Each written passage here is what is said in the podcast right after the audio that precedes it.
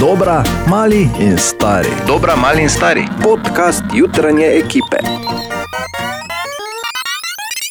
Podcasterce, podcasteri, dober dan, lepo pozdravljeni. in Zdravo. dan, Dan je lepo pozdravljeni. Uh, Kaj? Lepo pozdravljeni, tudi neki more, ne? Torej, Si uh, verjeti? če si ti vredo, je vprašanje. To To je je zdaj edino vprašanje, vprašanje, ja. na mestu. Pa nekaj meš raufa, danes samo če so napolitanke. A, Kaj mislim? te pa si na veciju. Ja. napolitanke. Ja. Napolitanke iz biomase, če me razumeš. Vse, vse je biomasa, kaj pa mi ne vem plastike. Ja, vse je biomasa. Tako. Oh. In uh, s to mislijo, naj samo povem, da je tudi ta teden ah, bil tak edina zares pozitivna novica, da se počasi res vračajo šolari nazaj in da je to mogoče prvi pora- korak v smeri normalizacije.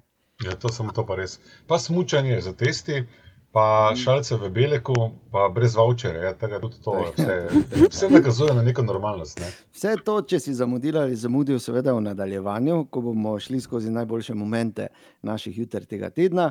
Bi pa povedal samo tako, ko sem omenil proces normalizacije. Mhm. Tudi če se bo stvar normalizirala, ne držati sape, da bo karkoli normalno pri nas naprej.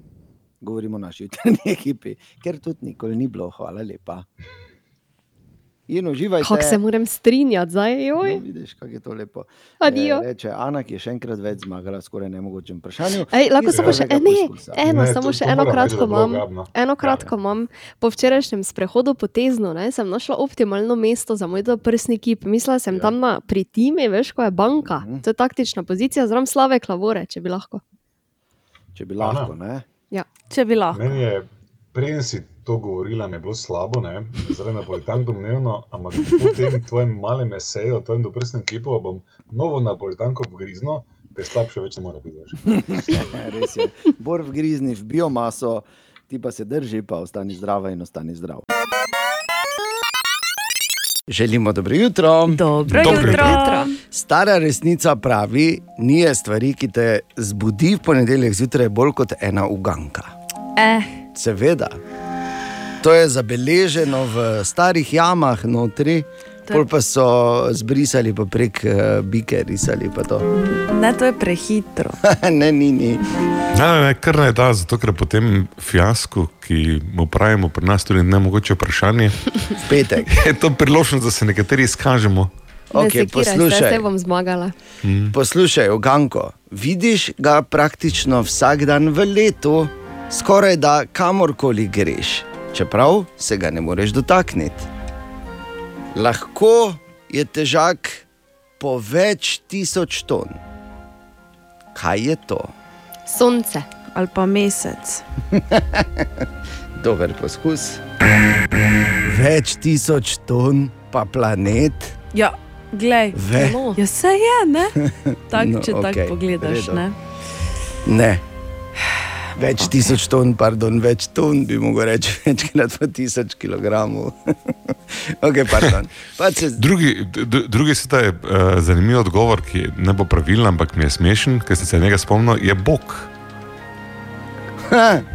Bolj spet v sebi. ja. Ne. No, Uh, no. ga, njega, ne? Torej, Ja, Jožko? nge- njega, njega, njega.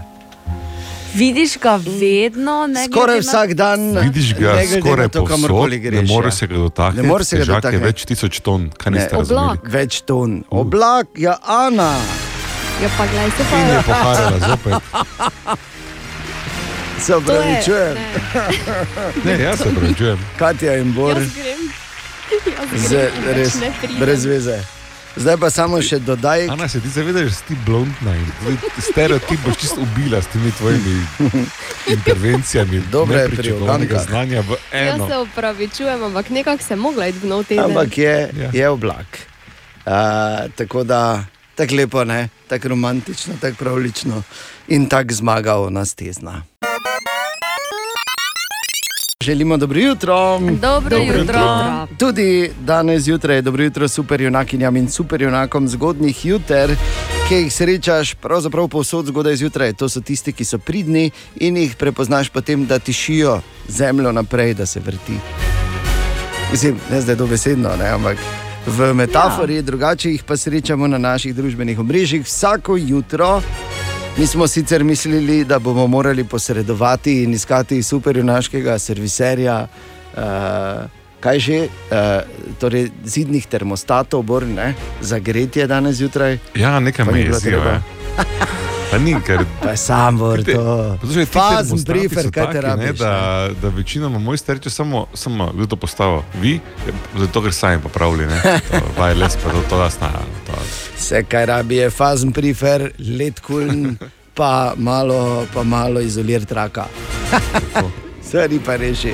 Okay, ampak drugače pa vsako jutro uh, tudi žrebamo enega superjunaka ali superjunakinjo in uh, damo komplet mask, ni nam lahko, kar je še najmanj, kar lahko naredimo. In danes zjutraj je to superjunak Tomaš.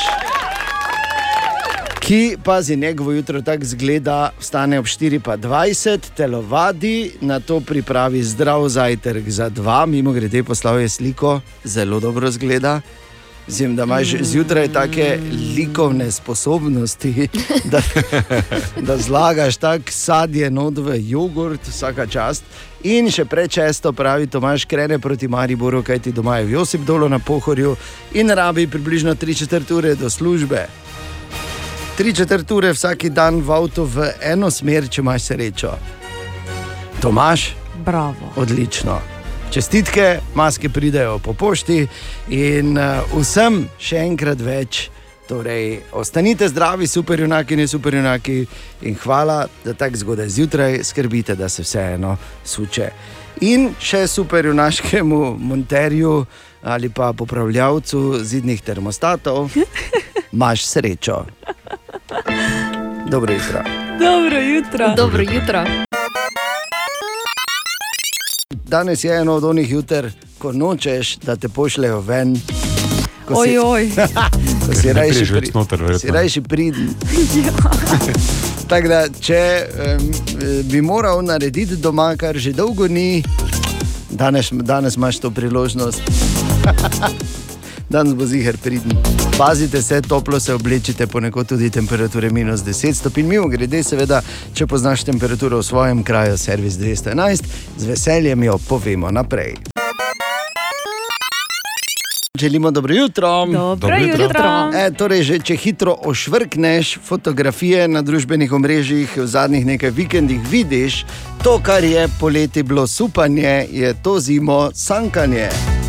Ej, vsi se sankajo. Ja. Ljudje, za katere nisem vedel, da imajo noge, se sankajo, kaj let sanke. Obstajajo ljudje, za katere nisi Ja, vedel, za da imajo katere noge. veš? Pa dobro, no tako se reče metaforično, da niso zapustili sobe. Torej, ljudje kot jasne, ki grejo ven samo, če res morajo. Ne, Vsi to so sankajo. ljudje, ki se slikajo samo do pasa in ne veš, če imajo noge.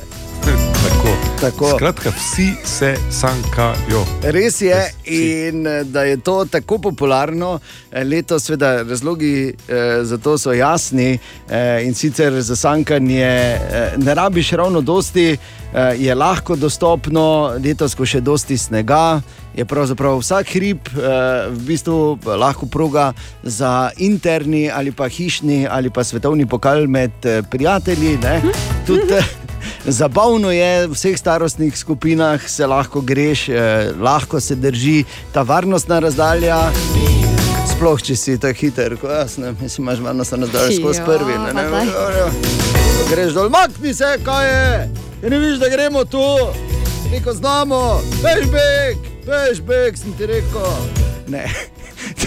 Res, da so nekateri eh, fotori znajo biti eh, veliko hujši kot otroci. Ne, O, ja. Samo ne jih izzivati, mimo grede, več kot 50 eh, porast v prodaji eh, teh sank. Uh, zaznavajo letos v tej sezoni, čeprav uh, največ se kupujejo ti plastični bobi. Rezult, mislim, razlog je jasen, zato ker uh, imaš krmilo, pa bremzo. V klasičnih sankah Pa- nimaš ne eno, ne drugo. Ne, kaj to, zakaj se kupuje, če veš, kaj je najboljše? Plastični žakelj pa, Pa slama vseeno, not. ja. Oziroma, niti ne, dovolj je že samo plastični žakelj. ne. Da letiš in O, Ali da pa poješten leti. noter, ja. Ja, eh, tako da eh, to je, recimo, ne, to so vse, eh, ampak pazi, seveda, enih par stvari, vseeno, lahko je tudi nevarno sankanje, ker hodič face leti. Ne, in sploh, če je pomrznjen sneg, tudi lahko face padeš. Če je face trmi, hrib, na katerega se podajaš, moraš vedeti, da uh, razmisli, ali je dovolj velik iztek, oziroma da je dober na svet, kako se naj spodaj pravočasno ustavijo, da se slučajno strmina ne konča v šumi, ne, ker je lahko potem face hudič. Uh, toplo se je treba obleči, treba je imeti uh, smočarsko spodnje perilo. Rokavice, jasno, da ne premočljive, primerno obutev, če lada, sploh za otroke, absolutno ni neumna, torej ta smočarska čelada, da se da gor.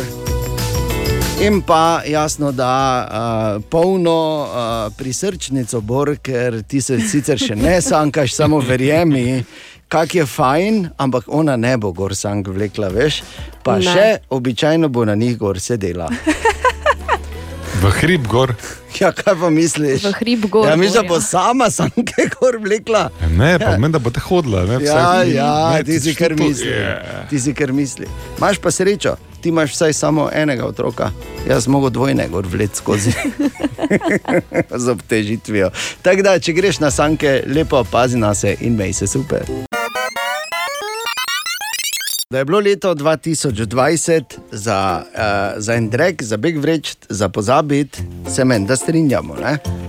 Ja. Da bi, Ja. No, 21 marca se zaenkrat ni izkazalo, tako da jaz sem red tiho princi in vokalcelo. Ja, okay. Ampak, uh, ko te uh, še vedno, ker kljub temu, da je že fejs druga polovica januarja, še vedno te neke letne raziskave, še vedno na to človek je naleti.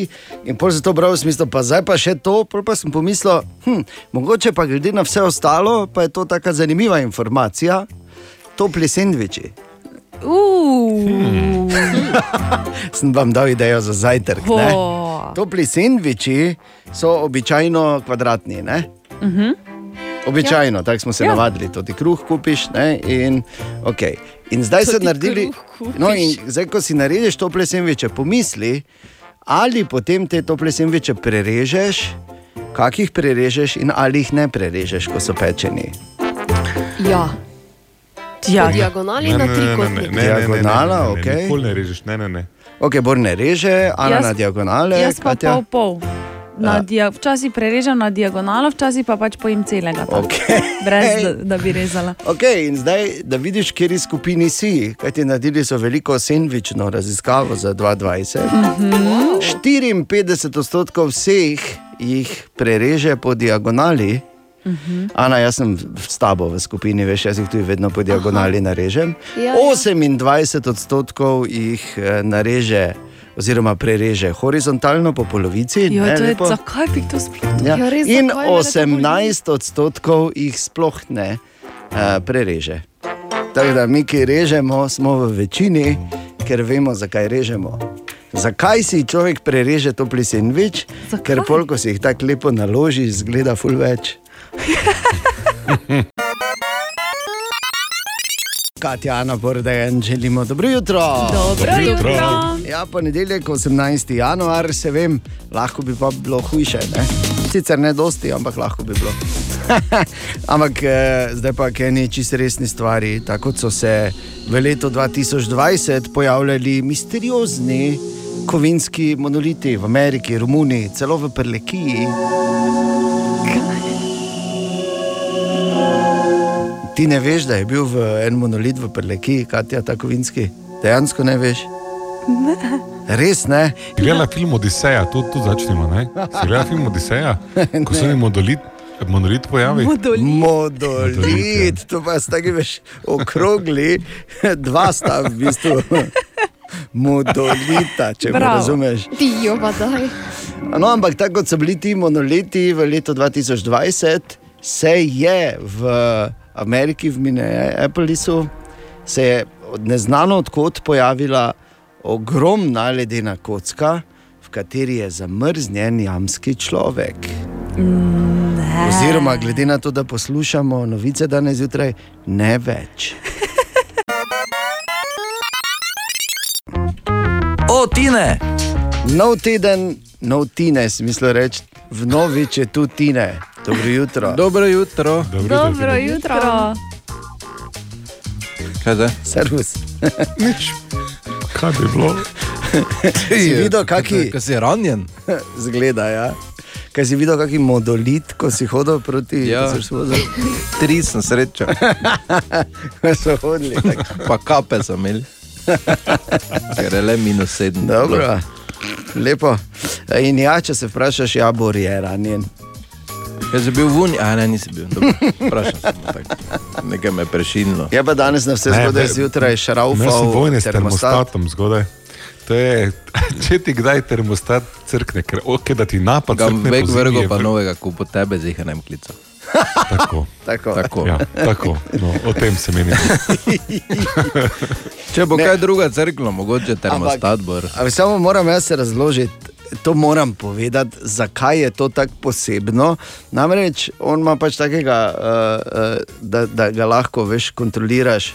Wireless, Termostat. oziroma Wi-Fi termostat, Aha. ki ima sicer tudi funkcijo, da ročno nastaviš temperaturo, ampak njemu ni delala ta brezžična povezava, ne da, da, da je bilo mrzlo, daleč od tega, ne da se ni dala nastavljati temperatura, Samo dala se je. delalo. Samo to ni delalo in zato se je bilo treba pol ure prej vstati, sredi noči pa iti to popravljati. Ja, da imam duševni mir, zato ker če moram na roko nekaj klikati, pa ne niti kjer popravil? programe tam, ker pač je ta backup je Ne. ena tipka, samo ena tipka. Nisi nared, niso še naredili bor tablete, ki bi tebi prinesla duševni mir, res. sorry. Kaj ni pa prav? Vse pa prav. Si pa prav. Samo sem- Samo študenti so mrzli sem- zdaj. Celi študenti so mrzli. Je pa ne, pa glej, pazi.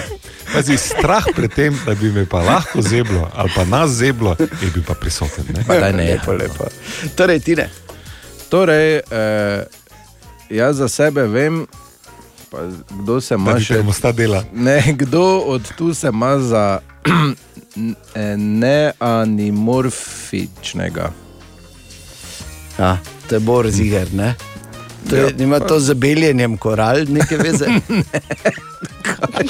Če ti ne rekel, da se on ima za to. Kaj ti zgleda, jaz kot pobeljena korala. Ja, ti si neamorfičen.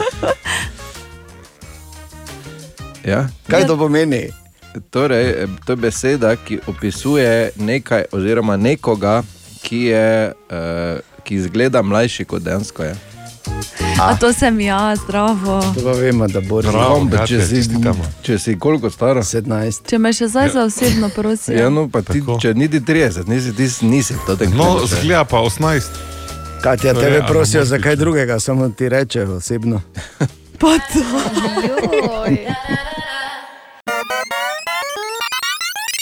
In glede na to, da je danes nov teden, glede na to, da se pojavljajo neke zanimive številke, in glede na to, da je še vedno ogromno vprašanj, je seveda samo en sogovornik, kateremu se vedno obrnemo, ki mu od vseh tudi najbolj verjamemo, in to je profesor dr. Vojko Flis, direktor Mariborskega UKC. Dr. Vojko, dobro jutro. Dobro jutro, dobro jutro vašim poslušalkam in poslušalcem, in pa seveda dobro jutro celotni ekipi Radio City. Hvala lepa, doktor Vojko. Torej, uh, zdaj, kar tako je treba iti s vprašanjem, kakšna je zdaj situacija. Mi dobivamo uh, razno razne informacije, razno razne številke. Uh, ampak kak je z prve roke, glede na vse skupaj, kako je potekalo, ali kaj pada število z, tam, uh, ko si hospitaliziranih in tako naprej.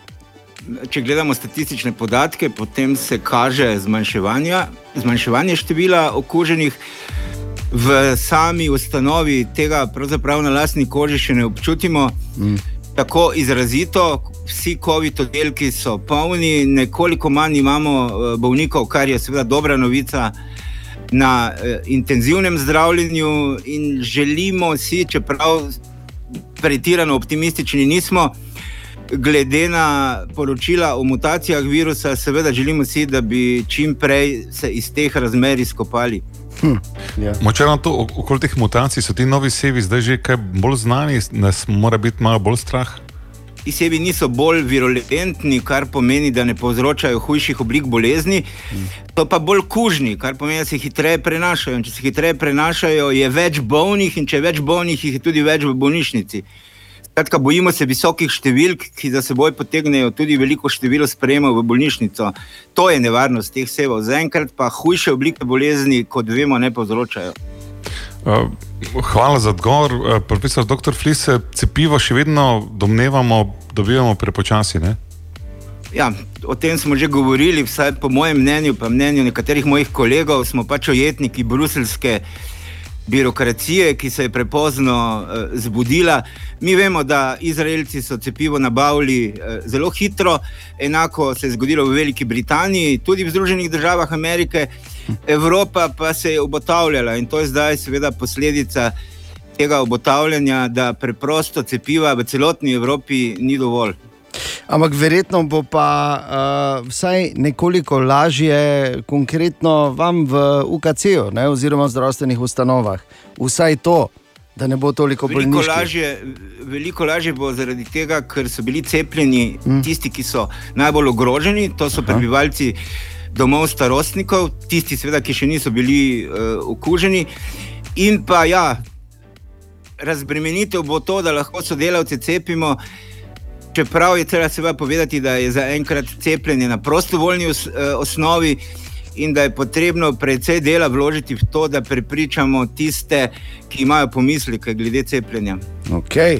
A, pa zdaj, eh, doktor Vojko, to moram vprašati, glede na to, da se spomnim se tam nazaj, ko smo se pogovarjali, takrat je bila debata o tem, da bo verjetno prej zdravilo kot cepivo, zdaj cepivo je in to več njih, o zdravilu pa se naenkrat nič več ne govori. O zdravilu se nič več ne govori, ker je pač v razpravah javnih, vsaj mm. uh, cepivo na prvem mestu v tem trenutku, ker, je, ker sta ga pa, recimo Ameriška agencija za zdravila in Evropska že odobrili. Mm. Pa, obstajajo pa številna zdravila, ki pa v tem trenutku, glede na medijsko poročanje, niso v uh, ospredju. Vse, vsa energija je bila vložena v novo tehnologijo izdelovanja cepiv. Čeprav ne morem reči, da kolikor spremljam, da tudi zdravila niso na obzorju. No, super. Okay, to so same dobre novice. Uh, Tako, ko malo zadihamo, ne, pa začnemo razmišljati. Eno od zanimivih vprašanj, ki se pojavlja tudi uh, uh, po družbenih omrežjih, je, če bi zdaj, profesor Dr. Flis, malo bomo teoretizirali, če bi zdaj um, mi lahko šli nazaj po časovni premici in bi takrat vedeli to, kar vemo zdaj, bi na začetku pandemije reagirali drugače, bi recimo uh, uh, sprejeli pravilno odločitev, ne bi bilo bolje, da bi virus preprosto ignorirali. No, zdaj te teorije o tem, da je potrebno virus ignorirati, ne, so podobne temu, da je potrebno pač eh, naravoslovne zakone ignorirati. Ne. Zdi se mi, da je nekaj takega, kot bi rekli, da ignoriramo potres v Petrinju. Dobro, hiše so porušene, ampak pač se delamo, kot da to ne obstaja. Eh, edino, kar bi seveda morali napraviti, je to, da eh, kar se je pokazalo v Belgiji, ne, da če se odločimo za zapiranje, da je zapiranje vodotesno, to se pravi v anglosaškem žargonu, ki ga zdaj že vsi uporabljamo, tako imenovani hard lockdown in to kratkotrajen. Belgijci so v 14 dnevih šli v popolno zapiranje, in rezultati so bili vidni, eh, vidni takoj. Eh, in o tem smo se že pogovarjali, pri nas bi bilo približno 15. augusta, recimo, potrebno zapreti meje in se začeti pripravljati na ta tako imenovani drugi val. To bi nam močno olajšalo uh, življenje. Tako pa je torej... pač zdaj zadeva komplicirana. Ne? Dobro, ampak. Zadeva je zdaj zapletena zaradi mutacij, ki prihajajo, mm. recimo zadnja iz Brazilije, kjer je virus videti kar uh, precej spremenjen. Tako da težko je povedati, uh, kam se bo vse skupaj gibalo. Ampak če Od, lahko. Ostamo pozitivni, prosim, lepo, ostamo pozitivni. Ampak, če lahko rečemo, uh, da je uh, normalne razmere, pod narekovaji, čeprav normalno več, verjetno nikoli ne bo normalno, kdaj pa lahko to po oceni dr. Vojka pričakujemo? Sedanja projekcija je nekje okrog junija, če bo na razpolago dovolj cepiva. Hmm. Pfizer je za ta teden zmanjšal uh, dobavo cepiva vsem evropskim državam, uh, razlog je to, da širijo proizvodnjo in so zaradi gradbenih del nekoliko v prvotni tovarni morali zmanjšati uh, število odmerkov, ki jih lahko izdelajo. Uh, če bo moderna tudi povečala uh, izdelavo odmerkov cepiva, potem če bi bilo cepiva dovolj, potem lahko rečemo junija. Če cepiva ne bo dovolj, se bodo pa stvari zapletale. Morda še ja. samo eno čisto kratko vprašanje na temo cepiva, zdaj, če prihajajo ti novi sevi virusov, ali pa če rečemo, verjetno bodo tudi kakšni drugi, ali pa so že kakšni drugi virusi, ali se da to cepivo tudi reprogramirati eh, dovolj hitro, da bi bilo učinkovito tudi na mutacije? Ja, mRNA cepiva so sintetično narejena cepiva, to je v bistvu stavek, kjer na mesto recimo jaz sem Joža, lahko takoj napišeš jaz sem Joži.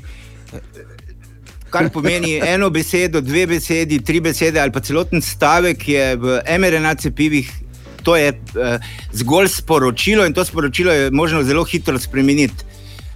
Tako da to je prednost mRNA cepiv. Ja, lahko se zelo hitro prilagodimo novim uh, mutacijam in novim sevom virusa. Uh, res pa je, da si ne želimo, da bi se pretirano razširile, predno cepivo modificiramo. Absolutno. Z ostalimi cepivi, z ostalimi cepivi bo več težav, ki, ker niso narejene na podobni tehnologiji. Aha. Ampak zaenkrat ti novi sevi nič ne kaže, da bi morali imeti nova cepiva. Ne? To cepivo, koliko... e, zaenkrat je videti, da cepivo, učmerjeno cepivo, učinkuje zelo pri južnoafriški in angliški sev, uh, za brazilskega pa so celo uh, tisti najbolj podočeni nekoliko skeptični, ker še ni izkušen. Aha, okay. To je bila šolska ura s profesorjem dr. Vojkom Flisom. Hvala za pozornost. In če bi ga, prosim, več poslušali tisti, ki morajo poslušati, če že ne drugače. Če bi bila, evo, zdaj, že samo ime virusa, Joža, pa Joži, če bi bila, ne bi dosti lažje nekako se spopadli s tem, kot pa doktor Vojko. Šalo na stran, hvala za vaš čas in še enkrat hvala za vse, kar delate za nas v Mariborskem UKC-ju. Hvala lepa za povabilo. Doktor Vojko Flis. Ja, tako je. Doktor Vojko Flis je bil to, še enkrat moram ponoviti, mi smo mirni, ker doktor Vojko svojo ekipo pazi na nas. Katja, Ana, Borindejan, želimo dobro jutro. Dobro jutro. Dobro jutro. In uh, zdaj, če vi mislite, da jaz vas ne poslušam, ko me dejansko ni zraven, se globoko motite in uh, bi imela zdaj eno intervencijo. Resno. Če lahko, prosim, posnetek zavrtiš, okay. ki se ti zdi. Uh, to je intervencija, čakaj samo malo, to mora biti malo bolj epohalno, glasbeno ozadje. Intervencija. Zdaj, bor nehaj. To mora biti bolj epohalno, glasbeno ozadje. To je intervencija. Kaj je Gregorec, običajnec Kous? Kam si? Torej posnetek. Da, vse kaj je bilo, da je bil, lahko bil srebrna medalja, dolgo, tako pa sem zadnji. Ne, vseeno bi bil. Krepko zadnji, bor. Ja. Torej, to je iz petkovega skoraj hmm. nemogočega vprašanja. Ko se je Bor hvalil, da bi imel srebrno medaljo, če bi bila jaz tukaj. Zdaj, ne, pardon, Bor, poslušaj, me, prosim. E, najprej bi kolegici Jani čestitala za zmago. Še enkrat več. Še enkrat več e, ampak bi pa vseeno izpostavila, da zadnji dvakrat, ko sem pa bila v službi, sem pa jaz zmagala. Tako da, dragi Bor, srebrna medalja odpade. Ja? To je tvoja intervencija. Ja? Ne ti povem, kako relevanco ima. Približno tako ima, ne, da v stotih letih v Mariboru nismo po zimi prišli do temperature več kot minus 10, zdaj je bilo pa enkrat minus 12 in ti praviš, ledena doba je tukaj grozno. Veš kaj, Bor? Še ne sram, ne zraven. Ja, to. Stara, stari šovinistični prašič. Imam manj zmag kot jaz, pač imam malo sreče. Prosim, da veš kaj, da ne bomo za obe dve skupaj stopili. Stari šovinistični prašič, to je vse, kar lahko rečem. Ja. ja. Bom iz usmiljenja prekinil to Boljše. in gremo dalje z muziko. Kvalitetna intervencija, Katja, kvalitetna. Hvala. Torek, 19. januar, dobro jutro. Dobro jutro. In dobrodošli, torej, Katja, Ana, Borindejan smo tu, cela ekipa, lepo, da tudi ti, mimo grede, včeraj, Bor, to je bila inspiracija, sem našel včeraj v tvoji debati o treh stvarih na CES-u, torej tem največjem eh, sejmu za zabavno oziroma potrošno elektroniko, ki se že dobijo, pa se zdijo futuristične, in znaša še eno. In sicer dejansko obstaja zapisnica, ki šefu pokaže, da si nesrečen v službi. Uh. Ja. Jaz vem, če bi to bilo tu, uh, kako bi se ji reklo. Kako se ji reče? Te zapisnice, ki šefu pokaže, da si nesrečen v službi. Kak? Kak? Ura. O, obraz. Dobro jutro. Dobro jutro. Torek 19. januar in včeraj popoldan, oziroma zgodaj zvečer je bilo ha, spet uh, napeto v naši hiši. Namreč tako je običajno vedno, ko je rokometna tekma. Oziroma, sploh če je pomembna rokometna tekma, kot je bila včeraj na svetovnem prvenstvu za naše reprezentante proti Belorusiji. In eh, na srečo smo na koncu zmagali in to kar eh, odločno bi lahko rekli, čeprav v prvem polčasu niti približno ni tako kazalo, kajti začeli smo slabo in potem se je hitro slabšalo. Na neki točki vmes smo zaostajali že za šest golov, no, to pa so se naši reprezentanti zbrali, uspeli do polčasa izenačiti in v drugem polčasu postavili stvari na svoje mesto. Ampak to so bile zelo, zelo napete minute tudi pri nas doma. Uh, mislim, jaz sem iz previdnosti, ker sem vedel, kaj bo, oziroma imel občutek, malo dva takoj poslal gor v sobo, idite se špilat, jaz bom sam gledal rokomet.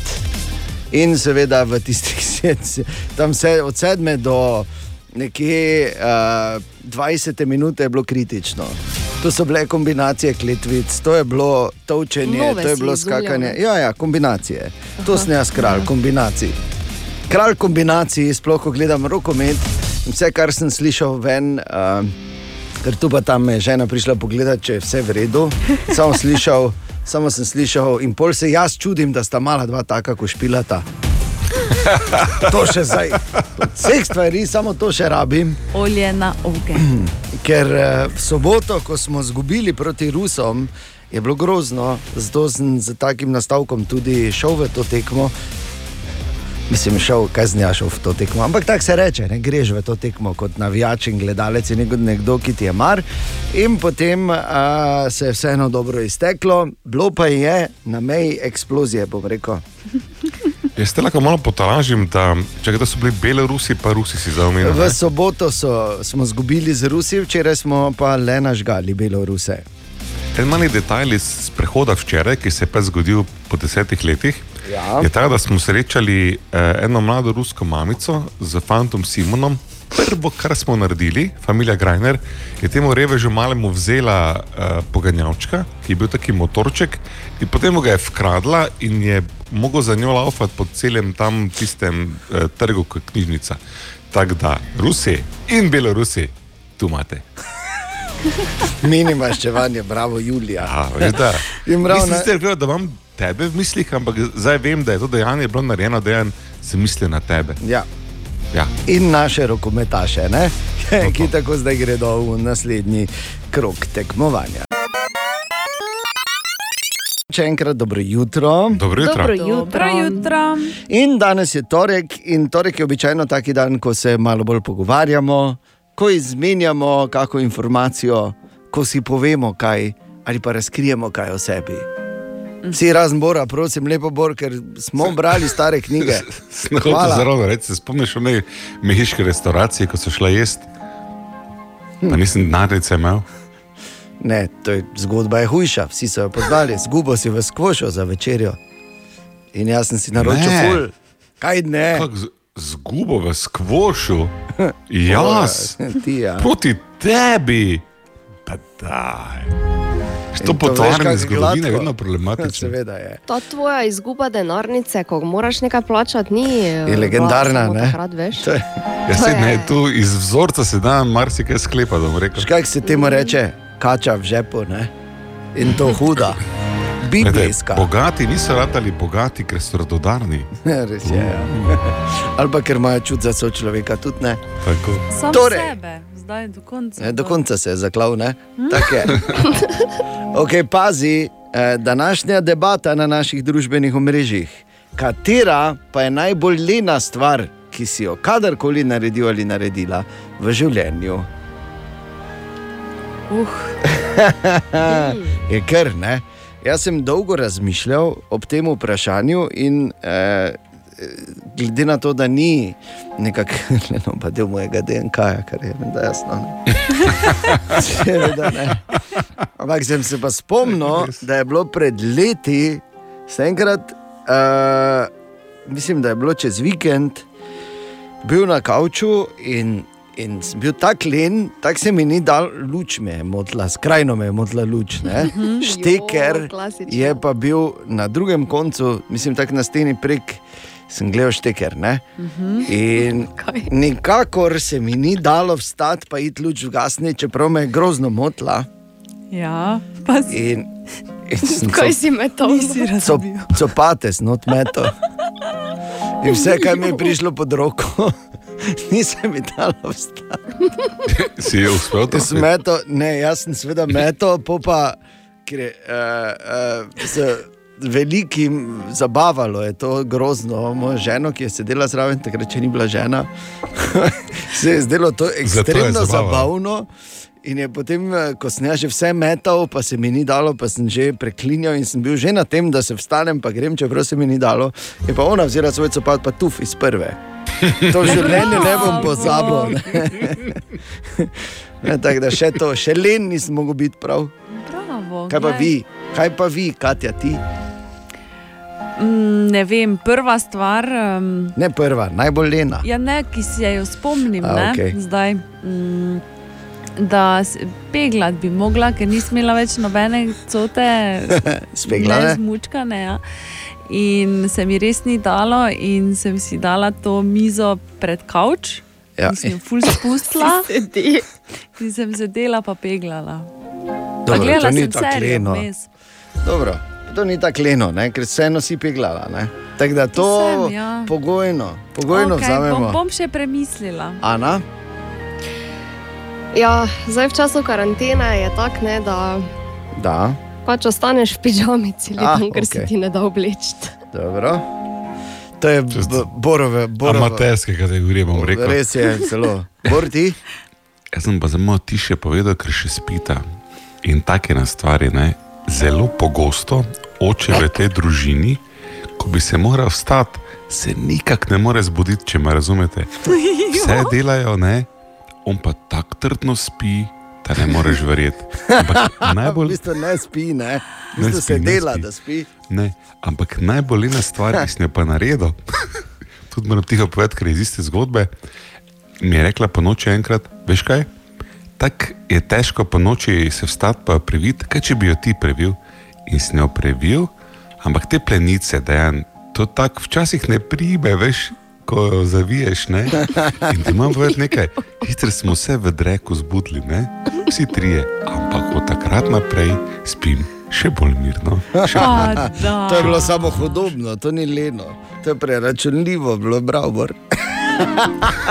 Lej, Ne, ampak, tri muhe, ne mah. ja. Katera pa je tvoja najbolj lena stvar, ki si jo kadarkoli naredila ali naredil, naša družbena mreža, povej, da se bomo skupaj fajn imeli.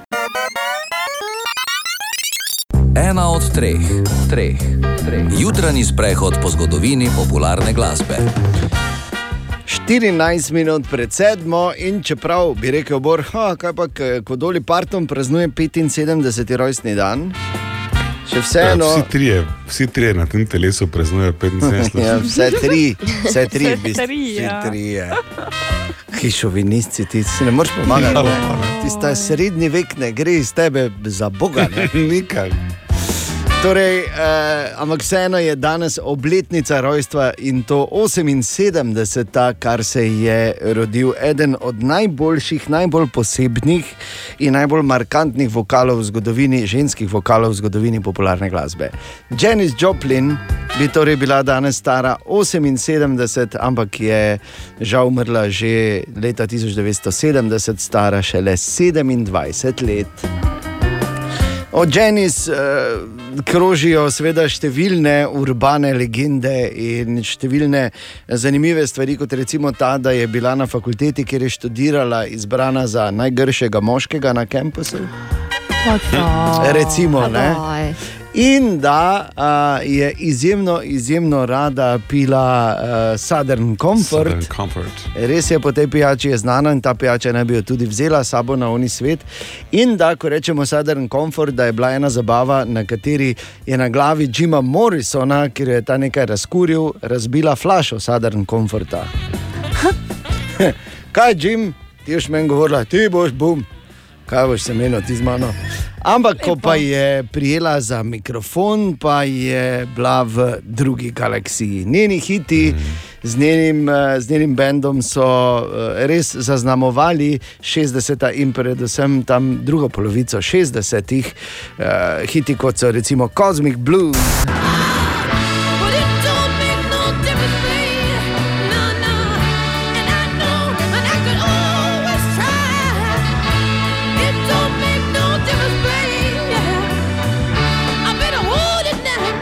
Pa recimo Try just a little bit harder.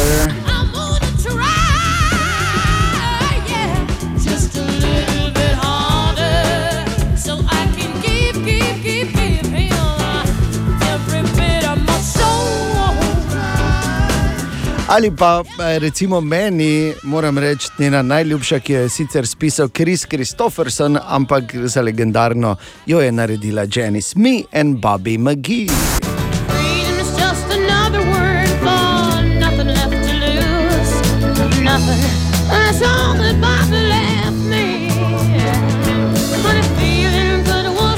In mislim, da spomin na Janice ne, se nimamo kaj meniti. Za spomin na njo in njen Cosmic Blues Band, Ja, saj si že povedal. ko ja. špila tam gori in poje, v bistvu vrhunska je, vrhunska in to je en nauk iz zgodovine popularne glasbe, dragi otroci, če ste slučajno z nami. Želimo dobro jutro. Dobro jutro. Dobro jutro. In tako moraš sprejeti eno odločitev. In ta odločitev je lahko, kako je Katja zdaj pogledala, da je bilo mirno, Katja, okay. brez pritiska. Joj. Govorimo hipotetično. Mm -hmm. Torej, moraš sprejeti neko odločitev. Te moramo sprejemati v bistvu vsak trenutek, vsakega dne, nekatere sprejemamo zavedno, nekatere nezavedno, uh, ne govorim v časovnem, ne, ampak v Ja, ja. Razmišljam. prisotnostnem Prisotno, smislu. ja. A, torej, uh, vse skozi se je treba odločiti, nekatere odločitve so večje, za te si treba vzeti več časa, nekatere so uh, pač manjše, ampak zato nič manj kompleksne. Ne? Se pravi, koliko mleka bo imel danes v kavi, bo imel eno žličko več, ne? ali naj veš. Se umijem ali naj se ubijem, te se veš zjutraj, ko so normalne. ne? pretiravam. Ampak pazi, trije na sveti strokovnjakov pri sprejemanju odločitev, da bi bilo lažje, ker vemo, časi so zelo težki. Uh, mimo grede, Bor se je spremenil v kip Jurčiča. Ja. Pri prvi- Težki časi so, že nimaš kaj, je, tu mrdati. Ja, nimaš kaj. E, in e, zato, da bi seveda morda malo lahko pomagali pri sprejemanju odločitev, zdaj pa pač kaj naredi s to informacijo, pa tu je pa pol vsak za sebe. Ne? Ampak tri stvari, ki se jih je treba zavedati. Pravijo, Ko sprejemamo odločitev, ne? ko sprejemamo odločitve. Več njih, čeprav. Uh, torej, prva, zagotovo boš eh, bolj zadovoljna ali zadovoljen z odločitvijo, če jo sprejmeš med 9 in 11 uro do povdne. Znanost, pazi, znanost namreč uh, dokazuje, to ni izmišljeno, da smo biološko uh, tako tempirani, da razmišljamo bolj bistro in sprejemamo inteligentnejše odločitve med 9 in 11 do povdne. To je ne glede na to, kdaj se vstanemo. Vse to E, pravim. ja. Katja, isto sem hotela zdaj vprašati. To ni za nas, ko delamo zgodaj zjutraj. Okay. To se pri Dobro. nas predstavlja. Kaj druga stvar, uh, na Kaj to, pri kom, pri meni se pa moja tam neki na 8 zvečer.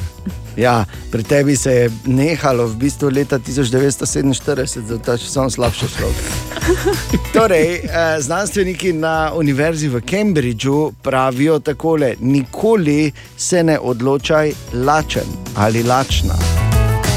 Ne? Uh, je smiselno. Obstaja ena, obstaja ena uh, druga modrost, še povezana s tem, in sicer ta pravi, da nikoli nič ne smeš delati z lakote, niti jesti, ker se absolutno nimaš v rokah takrat. A, in ja. pravijo, da če si lačen ali lačna, ko sprejmaš odločitev, katero koli že, da je več kot 50% možnosti, da boš zelo nezadovoljna z njo. A, in pa tretje, razmišljaj o nečem čisto tretjem, se pravi, razmišljaj o nečem čisto drugem. In potem, hopa, ne, tako so pa dognali na univerzi v Pittsburghu, ne, ker so rekli, če preveč razmišljaš o nečem, potem to pravzaprav uh, uniči ravnovesje med obema hemisferama tvojih možganov in to vodi v slabo sprejemanje odločitev. Aha. Ja.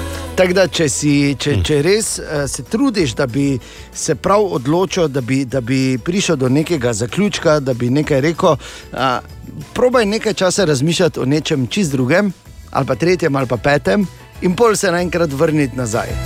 Ali pa počakati, da preprosto mm. odgovor sam pride po svoji poti naravno. Dobro, ne? Okay. Ja. Kaj je Jurčič? Hvala, Dejan. Ne, nekaj. Bo. To so te, uh, to so te ti konkretni nasveti, veliko pametnejših ljudi od mene. Jaz jih samo povedal, da ne bi slučajno. Dobro jutro. Dobro, Dobro jutro. jutro. Dobro jutro. Katera je najbolj lena stvar, ki si jo kadarkoli naredila, oziroma naredil, to danes debatiramo na naših družbenih omrežjih. In debata je zelo zanimiva. Mi smo svoje že povedali, pa jih ne bi uh, ponavljali. Bi pa povedal, da se je zgodil en preblisk, ampak najprej prelistajmo malo, kaj piše na družbenih omrežjih. Alež pravi, ko sem gledal TV s pilotom v roki, pa se mi ni dalo šaltati program. Dobro, ne. A, vale. Prefrigana Maja je napisala, da je rekla bodočemu možu, da ne zna kuhati in zdaj vsak dan čaka kosilo, ko pride domov. Maja, naj ti samo razblinim, uh, ni bilo zaradi tega, ker si rekla, da ne znaš kuhati, ni to zato. To je zato, ker te ima rad. Rok pravi, da razmišlja že pet minut, pa se niti top 10 ne more zbrati ven. Okay. Okay. In pa Miha je recimo napisal, uh, katera je najbolj lena stvar, ki jo je naredil. Ni je, ker je bil prelen, da bi jo naredil. Se pa je zgodil en preblisk uh, tu pri nas v jutranji ekipi in sicer med grizljanjem sendviča z suhimi mesninami, sem naenkrat slišal, spomnila sem se. So, ok, ustavi se, povej Katja. Katja je namreč upgradala najbolj leno stvar, ki jo je kadarkoli naredila. Povej, Katja. Um, jedla sem suho čokolino, ker se mi ni dalo iti po mleko. Pa da ne, pa da, da nisi ti. Fuj, to še z mlekom grozno, kaj šele, da bi suhi čokolino jedel. Katera pa je najbolj lena stvar, ki so jo ti naredila ali naredil? Družbena mreža Radio City. Izvoli. Najprej dobro jutro. Dobro jutro. Dobro jutro. Torej, ko kuhaš trdo kuhana jajca, nekatera grejo lahko lupiti, nekatera imajo očitno edini, edino misijo, da ti spijejo živce. Glede na to, da se približuje velika noč, ker je dan že 19. januar, seveda, ne, je morda prav, da se o tem pomenimo in to smo debatirali. In Kaj je rekla, jaz poznam en life hack, ga bom potestirala. Razloži najprej, zakaj gre. Ja, torej, e, moral bi kuhati jajco z koščkom limone in potem naj bi ta lupina kar sama odpadla. In 35 minut kasneje, z eno trdo kuhano jajco, tako kot kamen, je lupina bila še vedno gor, samo malo razbarvana je bila. No, pa sem mislila, ok, mogoče pa sem preveč resno vzela to, pa bojo vsaj šlo lažje ulupati. Mhm. Nikoli. tako. Glej, po drugi strani si pa našel čudoviti recept, da se jajce razbarva, prednjo pobarvaš. Ne? Ja, to pa ja, očitno. Glej, ja. roko na srce, nekako tako so do penicilina prišli tudi, veš?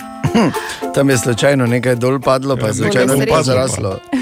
Naj samo rečem, da je to še eden v seriji teh internet na svetu, ki jih ne smeš resno jemati. Jaz se spomnim, ko sem hotel želeti narediti iz gumi medvedkov, ko sem stran vrgel žlico, pisker, kozarec. Pa še nekaj, kar je pač moralo iti zraven tisti moment, ker sem z jezera razbil. Tako da, ne verjeti vsemu, prosim, bomo se pa potrudili, da bomo še večkrat eh, poslali Katjo v ogen, če še bo kakšni taki zanimivi, da ga preverimo, potrdimo ali ovržemo. Torej, eh, kuhane jajce z limono ne pomeni, da, oziroma eh, ni res, da olup, ker sam beg pade, Ni res. oziroma luščina. Lupina, a luščina, ne se Ko jo luščiš, ne je potem Ja, ja, ja. ni.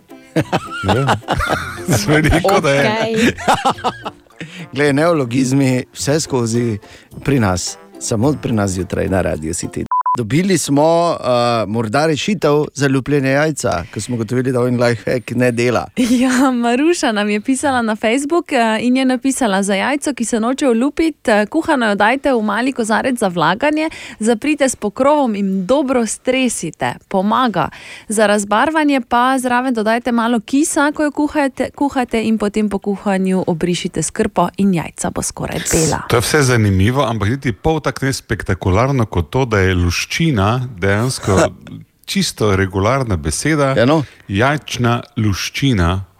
Hvala. Čestitke, Dejan. Ja, ni neologizem. Je rekel, je, da je nova beseda, ampak. eh, Ja, če ste me tako napadli, kaj te jaz vem? Globoko je zajel iz uh, svojih let branja in prenesel novo besedo. Hvala. Ne hote, ne hote. Pa hvala lepa, kak je bila ta gospa? je? Maruša. Maruša, bravo Maruša. Katja, Ana, Borindejan, želimo dobro jutro. Dobro jutro. E, veš, kako se lahko kaj naučimo iz uh, zgodovine in kaj nadgradimo? Uh, pred 17 leti v Nemčiji so prav na današnji dan uh, na sodišču to vzeli kot uh, pač ta sodni precedent in sicer da. Je pač v nekem podjetju je en sodelavec drugega uh, brcnil v rit. In, zaradi tega izgubil službo, so ga potem odpustili in so potem v Nemčiji rekli, da je ok, da so ga, ker je v bistvu to pač kršenje in bla bla bla. In zdaj, če to preslikamo, mi imamo sodelavca, eh, odkar smo pač dosti na tej videokonferenci, ker delamo prilagojeno razmeram, ki dosti krat kaže, rit, kaj bomo glede tega naredili. Bomo šli Ne dalje, vem, punci. jaz sem tinčka že večkrat Ne, opozoril. da ne. ni tinček težava. Ja. Ja. Rekel sem prek videokonference, punci bomo šli dalje. Ja. V, bomo, ne? Bomo. Tako da bor, napeto bo. Le kaj bo naredil. A, ne, ne. O, Tine! Dobro jutro, Tine. Ja, živeli. Torek, 19. januar. Kako pa gre, ne? Cajt? Ja. Ja, res je. Kje si ti, ne moj guru, učitelj in vzornik? E, zdaj tako je, veš, da smo, smo, zdaj v tem primeru rekel, smo učitelji vedno ponosni na to, ko eh, učenec Preseže, eh, ne? preseže ampak ti si presegel v čist napačno smer. Jaz te nikoli nisem učil, da moraš eh, iz, to, mislim. Ti izkoriščaš preveč to svoje rit. Ker te veš, da mora biti moment res pravi, pa to mora biti zelo, v bistvu mora biti redko. Subtilno, Ne bi zdaj ne? tvoj hodil, pa rit kazal. ker te- te Samo- na- na pa- pa koncu Saj to nisem pol- tako, bilo čisto malo, tako cik, cik. Ja, Ne, ne. ne, ni, Đu- ja, preveč je. Ne moreš riti, kuj kazati. To je stara resnica. Ne. Nekaj, da bi jaz vsako jutro prišel, vse tu pa bi malo rit pokazal, veš, kako bi te to izgledalo. Ja, no, Tako, tako, je, ti, tako, recimo. tako. Tako, tako. Se ne, Ne vsak moreš za ne, vsako saj- stvar, ko si malo užaljen, rit pokazati. Veš, kako bi v parlamentu bilo? Grozno. Mogoče pa je to rešitev, ne? Da se Raje niti kaže, malo ja. pokažemo, ker se prepiramo. Ja. Bom S tem, bi, s tem, da če bi bilo tako, veš, da bi si tam nošto pokazali, bi bilo ravno obratno. Ne? Zdaj vidiš, če ima kdo manj las, ne? če pa si riti kazali, videl, če ima kdo več las. Okay. Naslednjič, bolj, ko se greš k šefu kregat, se spomni na to. Da je raje pokaži, ko se krega. Tako je, pa rešeno, pa kjerkoli v trgovini tudi. Če ti bo dala na robe nazaj, hop, kaj da ni v akciji, ne, gospod, to ni v, kako ni v akciji. Ja, to ni, akciji? Če pa vidim, hopa, pa že Dobro, pokažeš. eto imate akcijo, samo idem. Ne, Recimo, vidiš, da se, ja, mogoče pa imaš prav. Ali pa onemu lutkarju. Dobro, uh, Tina, Dobro, no. kaj imamo dan za Ne, eno more- zanimivost? za- Zakaj bi lutkarjev, gospodu? Ne, ne vem, niste Če vsak dan razlaga, da hodi. Ja. Pač tam je na vogalu, gospod. No. Ja, ni smisla tega lutkarja, jaz mislim metaforično. A, okay. Torej, The puppet master. še lahko gremo sploh dalje od tega, Tine. Ja, ja moram povedati, da sem malo pomirjen. Dobro. Eh, pa verjetno marsikdo eh, drug. Sedem odstotkov eh, človeške teže je kri, tako da vrede. Samo veš, kaj krvi imam jaz. Au, veš, kaj krvi imam. Ti Ne, tudi, njem ne? preč, malo malo bi si mogel Kje si sprostiti. Drakula, ja? Tako da rabimo. Kviz brez Google. Oh -oh. Danes kviz brez Google igra gospod Aleš, Aleš, servus, Aleš, se Ja. tikamo lahko. lahko se tikamo. Ajde. Aleš, si pripravljen? Ja, Okay, gremo. Za 10 evrov najlažje vprašanje na svetu, pri katerem športu na igrišču najdemo tako imenovano raketo. pri košarki. Bravo. Ok, 10 že imamo. Za 20, kako pogovorno imenujemo zastavo 750? Uh, 750. Jugec. Slovenka. Še manjši. Fiček. Ja, fiček. Ja, Ja, 750. Ja, točno, fiček, ja, ja. On je z malo močnejšo mač, mašino, pa je bil 850, ne, ko je imel malo več. Ok, 20 evrov, že tvojih, gremo še teže za 30. Kdo ali kaj je anemija? Anemija. Ja, kaj je to že? Ja. Kaj je? Slaba krvnost. Ja, slabo Mama, krvnost. Mama, Mama, zdaj mogoče mama, mrdat. Kaj si ti, da začneš ki mogo? Ja? Joj. Bravo, hvala mama, še enkrat eh, 30 evrov je že tvojih, pa malo od mame. Ne? Za 40 še imamo najtežje vprašanje. Kdo je bila v grški mitologiji spretna in neverjetno hitra tekačica in lovka? Uh, v grški. V grški mitologiji. Dia, Diana. Aha. Uh, Artemida. A ta je bila boginja lova. Zelo hitra je bila, spretna, noben je ni mogel. Kijoj. Ne, to pa ne vedem. Ne bi vedel. Ne, to pa ne vedem. Zaključimo. Ne, to pa ne vedem. Zaključimo. Ok, 30 evrov tvojih čestitke, to je pa bila Atalanta. Atalanta. to pa ne. Ja. Ne, ne, jaz tudi nisem vedel. Zdaj, če pomisliš pri futbalu, eh, v grbu od Atalante je ženska, ko ima tako lase nazaj. Aha, Tako da to je to. točno, ja, točno. To je to. ta. A Staro grščino, smo upam, da ne posluša profesor. Lahko zbrišemo, če hočeš. ok, lepo bodi, pa hvala mami. ne. Zmenjam. Čau, Enak. čau. Kviz brez Google. Oh -oh. Želimo dobro jutro. Dobro jutro. Kaj hitro leti 20. januar, oziroma sreda je danes. Dobrodošli. Torej, eh, 20. januar, mimo grede, tudi eh, dan ozaveščanja o pingvinih. Tako da eh, naj te ozavestim, pingvini so. Zdaj pa lahko gremo dalje. Dobro jutro. Dobro jutro. Kot prvo želimo dobro jutro. Dobro jutro. In kot drugo, kaj zdaj? Vse štima? Vse To se štima. verjetno ljudje sprašujejo. Ne? A ja, ja. zanima. To nisi mene vprašal, ker odgovor ne. ne. ne. Kaj si Ne, bor, vesolju, si ti? Bor je vesolju, zato ker je.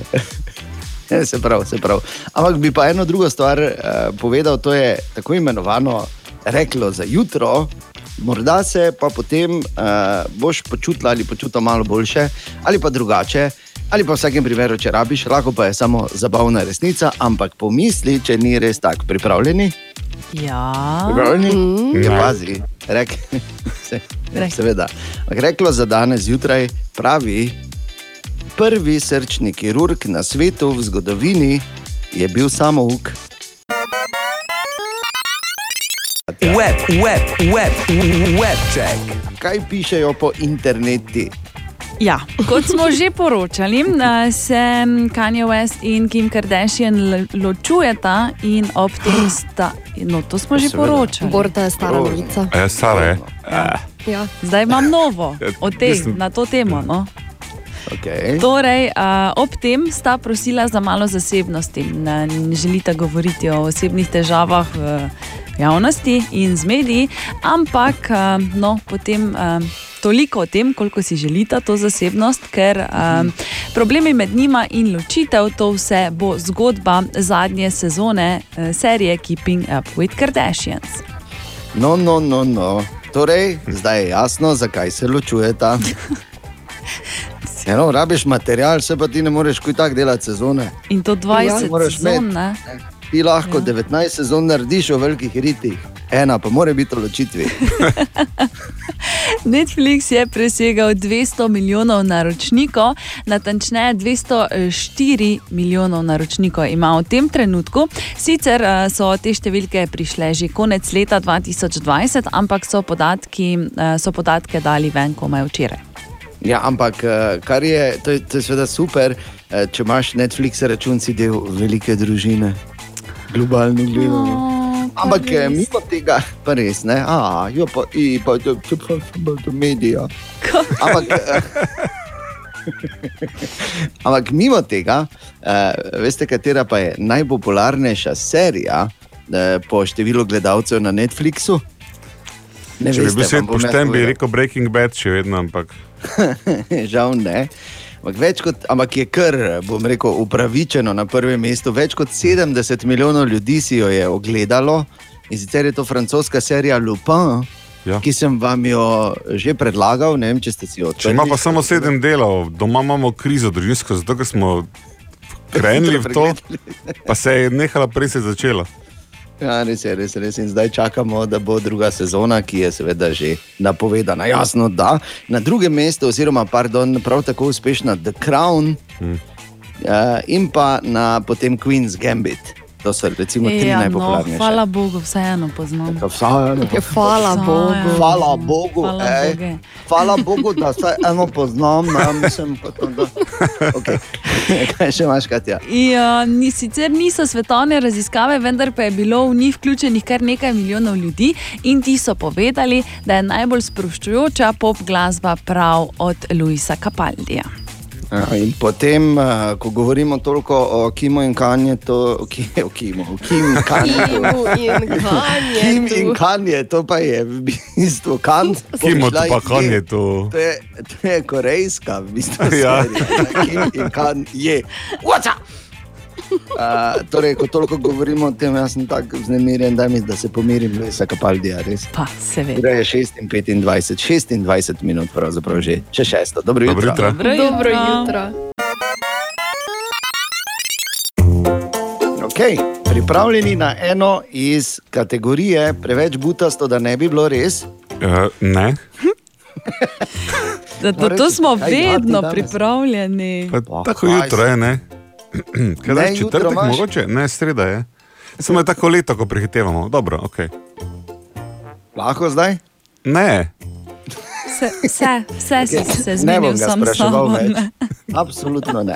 Pazi, to je res iz kategorije preveč butasto, da ne bi bilo res. Zgodilo se je v Braziliji, ko je, veš, zdaj standardno pač greš, uh, se, si na poti, ne, na avtocesti in uh, zmanjka benzina, se Mhm. človek ustavi, gre na tankat, gre na WC in se odpelje. In pozabi ženo na tam število. Ker seveda je ona, ko si ti vozo, je spala zadaj, pubec tako špila tele, na telefonu, celica zraven tako tebe. ne ve, ki je pa kaj dela. ja. Ona zadaj spi cel čas, ko pa ti tankaš, voziš, si zmatran, greš na WC, takrat se pa ona zbudi, pa se odloči, da si gre po kekse v trgovino.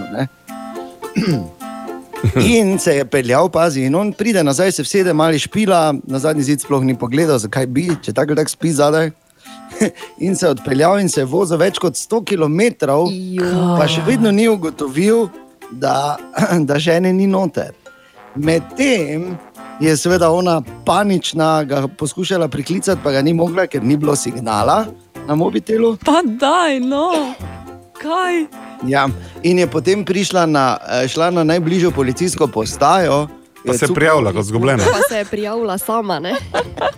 Ne, ampak eh, pač so prišli policaji, pa so jo odpeljali na postajo in potem le uspeli kontaktirati moža, ki mu je pol telefon zvonil, pa halo, ja, ti si, bla, bla, bla. No, kaj to je, ne? Ja, poglej na zadnji zic in ne, seveda ne, ni bilo. In pol je morala tam na policijski postaji čakati več kot dve uri, da je, da je prišla nazaj. In, uh, in pol je zapis, da je bila zelo, zelo jezna, tako eh. zelo jezna, da je brcnila v avto.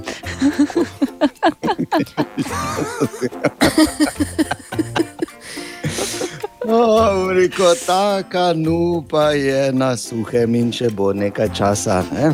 Tak, evo, to je bilo iz kategorije preveč butasto, da ne bi bilo res. Ena od treh, treh, treh. Jutranji sprehod po zgodovini popularne glasbe. No, pa poglejmo najprej vprašanje, ali nam pove, kaj ime Checkered Past. Verjetno ne. ne? Kaj pa Mm, Vinegar Joe? Mm. Ne? ne? Čri, The čri, Ellen- čri. The, the Ja. Ellen Bounset, morda. Ne? Ne. The Power Station, tudi ne. ne? Mm. Okay. Dobro, po pa bom kar povedal. To so vse bendi, v katerih eh, je prepeval, preden je imel izjemno solo kariero. Robert Palmer. Ah. Robert Palmer, ja, ki bi na včerajšnji dan praznoval svoj 72. rojstni dan, ampak seveda ne, kajti počasi bo že 18 let, odkar deda več ni. Uh, je bil seveda eden od popularnejših angliških glasbenikov. Ne zdaj, da bi rekli, da je ono res težko kategornik uh, v, v glasbeni zgodovini, ampak zagotovo uh, je naredil kar, bom rekel, udartino, sploh v 80-ih in v prelomu na 90-ih s hiti, kot so bili Addicted to Love.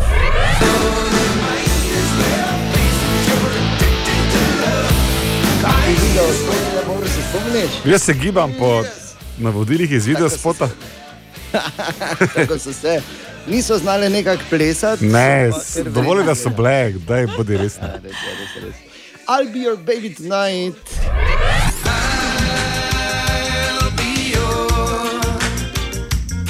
Baby tonight. Ali pa recimo Mercy, Mercy Me.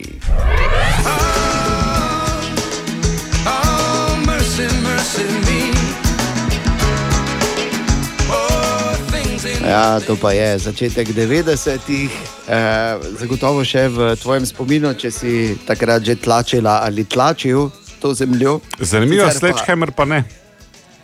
Ja, ker je Peter Gabriel, Sledgehammer. veš? Ja. A.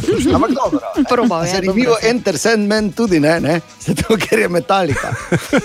Ampak če že rečemo največji hiti od Roberta Palmerja, zagotovo Addicted to Love in priporočam ogled video spota, če imaš 3 minute 50 časa danes. Takoj po oglasih.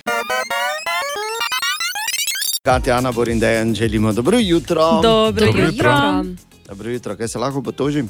Lahko povem eno stvar, prosim. Lahko človek eno stvar pove, kako se stvari spreminjajo in kako boleče to oče občuti na svoji lastni koži. Okay, kaj se je zgodilo?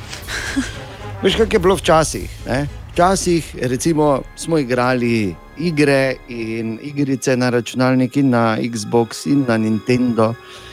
In sem se moral ful pustiti, pa sem moral ful uh, paziti, ne, da ne bi kdo zgubil veselja. In pol pa nekaj časa, pač, veš, to pol delaš, pa epidemija, pa vse to, pa, pa pač ne igraš kaj dosti, vmes mine par let. In mes stopi na sceno tudi, ne bom kazano očitno, ampak nekdo, ki spremenja nedolžne otroke v gamerje. Ne bi kazano očitno, ampak eh, dobro jutro, Bor. In potem včeraj je bil taki dan, pa, pa pride najprej Oskar, torej starejši, pa reče, če bi šla en Call of Duty.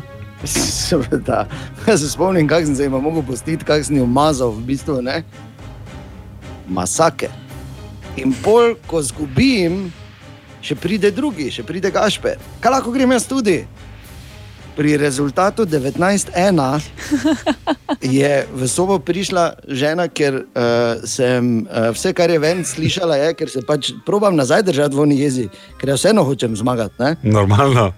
In iz one jeze sem kričal samo zokni, rit pasje jajce in uh, pač ne, drek. Sem se drl, v bistvu, ker nisem hotel grdo govoriti. ne. Aha, to so tvoje varne To so, ja, to besede. so Moje kletvice v bližini otrok. Tako da na tem mestu, Bor, Ja, vem. se ti res d- drugi problem je den. Ali ti veš, recimo, da poprečni e-atlet oziroma ja. gamer ima tam nekje okoli 350, ti rečejo APM-ov ali akcij na minuto. Poprečni človek, torej tu so zdaj recimo mi dva, jih ima tam nekje 150 do 200, medtem ko znani korejski e-atleti dosegajo okoli 818 akcij na Pa minuto. no. Še ena druga žalostna stvar je, da tvoji otroci so bistveno bliže Korejcem kot pa ti. Veš? Ker pa letje refleksi grejo. veš. Glej. Pa, pa. Vseeno. Tako da bi ti mogoče priporočil, da greš Civilization si igral kdaj, ali pa kaj takega, kar je bolj strateško, ja. turn-based game. Ne? Ja, glej, to ti ostane. Hvala lepa. Za nič. Želimo dobro jutro. Dobro jutro. Dobro jutro. Uh, Sreda 20. januar je danes. In uh, ni jih veliko, ampak so društva v Mariboru, katerih član ni Bor. In uh, Bog ve, da ni član tega društva in sicer društva radi pišemo z roko. Še manj je član lepi pišemo z roko. Kaj to so resnična društva? To je, ne, društvo radi pišemo z roko, dejansko obstaja. Društvo lepo pišemo z roko, pa je za tebe utopija. Utopija. To je, on niti sam Indija, svojega bolj ne zna Koromandija, prebrati. smisel reči, pardon. Tako da, uh, ja, moram reči, da uh, sploh zakaj se o tem pogovarjamo, je namreč teden pisanja z roko. In uh, zdi se, da je to ena od takih stvari, ki počasi, ampak uh, zanesljivo izginjajo. Sara, dobro jutro, ali je res tako? Dobro jutro. Pa ne ravno, da izginja, je pa res, da pišemo manj, kar se po besedah Marijane Jazbec, predsednice društva Radi pišemo z roko, odraža v manj čitljivi pisavi, ki kdaj celo ni berljiva. E, Sama se pri pisanju na roko zalotim, da me boli roka, ker ne na zadnje, še pomniš, kdaj si se na zadnje na polno razpisal. Uh, ja, še, ker jaz, za razliko od Včeraj, mnogih? Ja. še vedno, jaz imam, uh, še vedno imam, ne vem, kje sem dobil en kup surovinjenih beležk, veš, in te pridno polnim, jaz ne, imam jih polno že. Kaj si Um, ti mastodonci, ne, kar se pisanja Hvala tiče, lepa. res. Hvala lepa. Se, to ne pomeni, da pišem Ne. lepo, še manj čitljivo. Um, Sara ima pa pisanje z roko kar nekaj pozitivnih učinkov. Ne? Mhm, v primerjavi s tipkanjem tudi bolj aktivira naše možgane, s pisanjem na list papirja si zapomnimo več informacij. Pisalo nam po besedah predsednice društva omogoča tudi več svobode. Sedaj šolanje nadaljavo je po njenih besedah prineslo spoznanje, da se pogreša komunikacija v živo in tudi pisanje z roko. Je pa res, da se tudi sami šolski sistemi spreminjajo. Pisanje pisnih črk so denimo v osnovnih šolah za nekaj let opustili v 50 ameriških zvezdnih državah, no pisanje pisanih črk se je v tamkajšnje šole vrnilo, medtem pa so si skandinavske države zastavile svoj načrt. Jazbečeva. ponekod ne učijo več pisanih črk, recimo, in začenjajo kar z tipkovnico v šolah, ker so mnenja, da je bolje, da se otroci učijo pisanja, torej oblikovanja črk v kasnejšem obdobju. Ne na zadnje gre za motorične spretnosti, ki jih lahko razvijaš prej ali kasneje. Tam so se torej odločili, da to delajo kasneje. Pisanje je sicer prečudovita, fina motorična spretnost, ki te predstavlja v svetu, je edinstvena in neponovljiva. No, če svojo pisavo niste zadovoljni, pa stroka priporoča vajo, vajo in še enkrat vajo. Si slišal, Bor? Ja, zdaj Na star leto bom vadil pisati. Vadi, vadi kot- in še enkrat vadi. Nisi- Tako ste pisali Ne, veš, kaj je problem? Problem je v tem, da ni več v tem problem, da ne bi pisave svoje znal brati. ne. Jaz tudi če tipkam, pozabim, kaj sem tipkal, veš? Ja, Hitro. ampak to zato, ker kot je, kot je povedala Sara, pravkar bolj tipkaš, eh, manj si kreativen, bolj si neumen. Tako da vzami v roko kulico. Sara? Dobro jutro. Dobro jutro. A, Na današnji dan, torej na 20. januar, ki ni samo dan inauguracije v Ameriki, ampak je tudi dan sira. Mm. Zato moram takoj vprašati, kateri je tvoj najljubši? Ana. Ana. Ementaler. Ementaler. Bor? Kradla mi je zdaj skrožnika, to, ker ementaler je moj najljubši sir. In jaz sem definitivno jedel ementaler pred tabo, Ana. Katja, kaj pa ti? Uh, vse, kar je plesnivo, v bistvu. Tudi A, to to tudi, ja. Mm. Jaz moram reči enako. Tako da imamo dve ekipi. Imamo ekipo Ementaler in imamo ekipo Plesnivi. Ne vem, če se prav čuje. Si, da ne, ne, ne čuješ. O, Tine! In tudi danes zjutraj, Tine, dobro jutro. Dobro jutro. Servus. Dobro O, Tine, kak si? Zdravo, Tine. Tine bo zaradi znorev, ker je, ne vem, za tiste, ki ne veste, delamo pač prilagojeno. In danes je pač ta čudovit dan, ko smo zdaj nam zamenjala pozicija, pa sem s Tine to bistveno bliže fizično in zdaj me bo ravno ubil, ker mu slušalke. Pa, pa daj mir, če mi škrta vse v slušalke. not, kaj Ja, si- zdaj, zdaj verjel. Beg, daj prste. No. Ja, vem, sem, je zdaj ok. Kaj si ti? Ja, vredo je, kaj si ti normalno. Pa se to. Pa tako mi je dobro šlo, ker Tine, dan kak je bila pa kava, Kava. Kava. Instant kava je bila. Ni, nisi. Danes, ko sem pozabil na Tineta, pa sem za mene pa kate naredil samo. Na kaj? Ampak veš kaj najbolj smešno, da je I nekje det, ne, case. zmogel vse eno, da je rekel, poslušaj, je pa fajn s tabo se malo že opomeniti, samo to je bilo preden smo kavo, ne, zatem ko smo kavo pozabili narediti, pa preden smo z uhe uničili, ker to ti kup, to je malo labavi. Katastrofa. Ja. Desetine. Dan začeti z instant kavo, pa še sreda je. Ne, to, Ja. Ampak ti pa nekaj povem, nekaj, zdaj gled, mojca pa našla kavo, veš. Če pa je ena žlička, govorila, pa pol to. je kave, Če ena žlička, pa kave. pol, kaj naj si, to lahko si vlape, not vsipam, pa malo pogrgram, to vsega lahko stoti žličko, Kaj pa kave. Joj, pusti epidemijo, pusti Vse kave, ni trenutno. ne. Ja, sem, da se to ne bo končalo. Ja, valjda, da ne, se te. te Tine, Ja, povej. Zdaj še me Seveda, upravičeno. Povej ti ne, kaj imamo danes za eno zanimivost. Delali so raziskavo, zdaj eh, mi dva dejan se tu nema, not, čeprav jaz bi mogoče se lahko vključil tu not, dejan ne, bor, sigurno ja, pa punce tudi ja. Vse svetovna raziskava je odkrila, da 80 odstotkov žensk nosi napačno velikost modrčka. To je pa res, Jaz veš? sploh, če si ga moraš preko spleta kupovati, tako kot zdaj. Ne? Ja, kaj ne veš, kakšne zize imaš? Ja, ti ne. Kaj ti naj rečem? To je isto, kot da bi si jaz M gate kupil, zdaj, zdaj mislim. Ja, ne, zdaj Kaj naj z M pač gatami, zdaj odvisno od začnem. modela, Samo, ne? samo šajbo lahko spucam na avto z njimi, druga jaz ne morem z M gatami narediti. Ej, to, je- to je ena mala anekdota, ki ima tako moralo. Če poznaš prijateljevo velikost in tip spodnic, potem Oj, si oj. zares prijatelj. Ob tem bi samo mojo sestro pozdravil na vrednem življenju v Ljubljani, ki mi vsako, za vsakega božička kupi A, one tiste oprijete in B, eno številko premale. Pač, če bi kdo rabo oprijete, um, L lahko pove. pravi, če iz tega lahko samo eno stvar eh, zaključimo, tvoja sestra se je odločila, da ne bo tvoj prijatelj, kar je pametno. Aha, aha, aha, aha, aha, aha, aha efekt.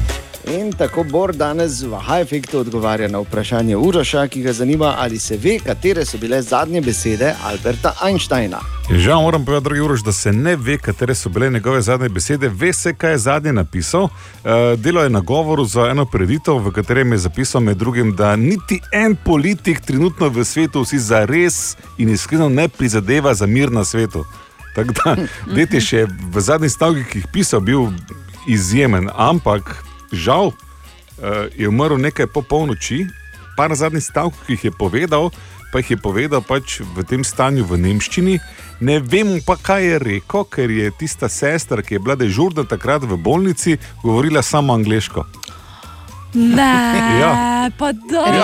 Ne, ne, da, da o tem, da je potem patolog njegove možgane vkradel, v to sploh ne grem. Ne. Ja, seveda. Ja. Bi pa samo rekel, da lahko da je on povedal ključ do vsega, pa ona ni razumela, v bistvu prednjo umrl. Ja. Je pa eh, kot zanimivost, bi pa jaz mogoče dodal. Uh, to, katera je, kaj je rekel Albert Einstein, to niso zadnje besede, so pa zanimive besede. Ko je rekel, kaj je bila njegova druga, njegovo drugo najpomembnejše dognanje po EMC kvadrat. Okay. Okay. Uh, rekel je, da je njegovo drugo najpomembnejše dognanje v življenju to, da je ugotovil, da lahko uh, hkrati v juhi kuha jajce in da ne rabi zato potem umazati še enega kotlička. Toliko o tem. Ali tudi vi pogosto totavate v temi? Aha, efekt, da boste vedeli več. Seveda želimo dobro jutro, to ne smemo pozabiti. Dobro Dobro jutro. jutro. Vidno osnova, da ne bi slučajno dobro jutro tudi vam, gospod Grajner. Ne, dobro jutro tudi vam vsem, ki ste z mano. Dobro jutro. Ste z mano. Ja, no. Ki te okay. trpimo, ne? Oboževalce, Kaj je, pozdrav. poslušalke in poslušalce nagovarjam? Ne? Ja, jaz pa v njihovem imenu odgovarjam. Okay, zdaj pa, da ne bi kdo to narobe razumel, ker če kaj nimamo, ne, je denar za investiranje. Ne? To je meni da jasno. Nimamo denar. Mislim, Zakaj bi se delali? Ne? Situacija pač je taka, kot je, in ne kaže, da bo še boljša. Eh, Nekdo, ki je, je pred časom recimo, bil toliko pameten, da je kupil na tisoče eh, bitcoinov, ne, je, zdaj, ne, je zdaj kralj, mi, ko, kojni smo pa mi. Ne. Razen če je pozabil geslo za ključek, ne? ker Tako tudi take žen, ja. poznamo. ja. Ampak uh, je pa recimo trenutno Bitcoin vreden krepko prek 30 tisoč, ne? Nekaj takega. Ampak to še ni to, tako vse napoveduje ta dvojčka Winklevoss. Kdo sta dvojčka Winklevoss, Tyler pa. Kevin iz filma o Zuckerbergu pa Facebooku. Ja, bo kar iz pravega življenja, veš. Ja, no pa, V bistvu sta ona dva tista dva, ki sta uh, na nek način, tako vse pravita, imela osnovno idejo za Facebook, pol pa je Zuckerberg to slišal, pa vkrado, pa, pa naredil Facebook, no, da, da, da, je, da sta res, da ima je res dejansko vkrado.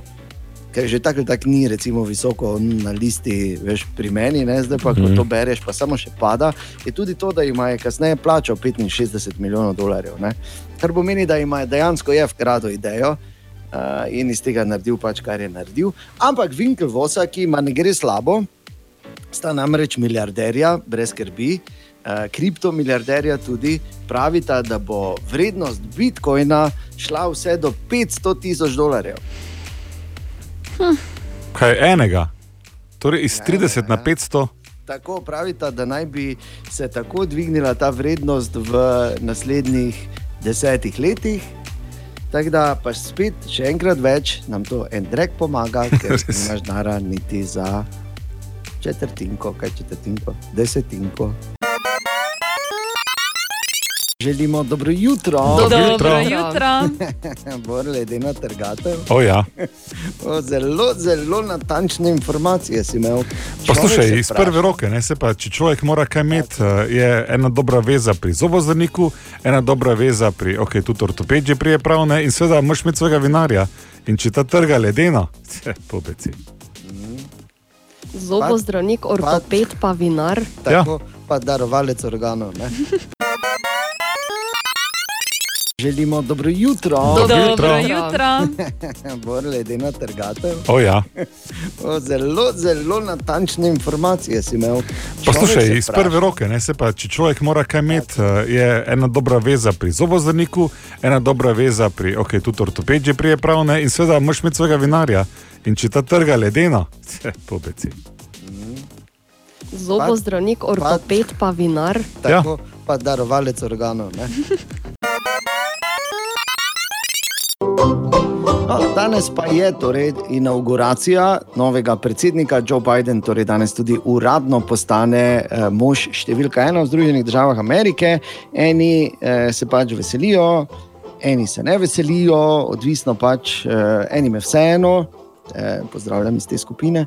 Ampak je pa na 20. januar zanimivo, se je v zgodovini zgodilo kar nekaj inauguracij v Ameriki. Recimo leta 1961 je John Fitzgerald Kennedy postal Uh, torej, predsednik, prav tako recimo leta 1981 Ronald Reagan, leta 2009 Barack Obama postane predsednik na 20. januar in leta 2013 Barack Obama uh, zapriseže v svojem drugem mandatu.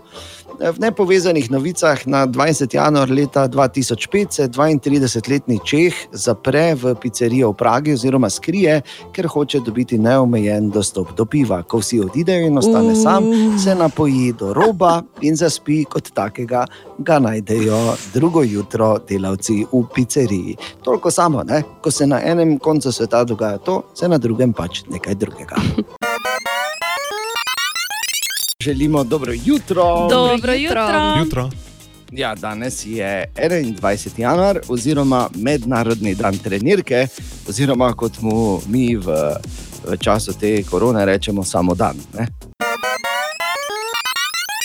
Včeraj je bil- bila torej velika inauguracija, to je eh, tisto, ko je samo malo bolj pogosto uh, kot to, da ustoličijo novega papeža, je pa približno na istem nivoju, bila je super, ne? je kdo gledal. Ja, Mm. Ja.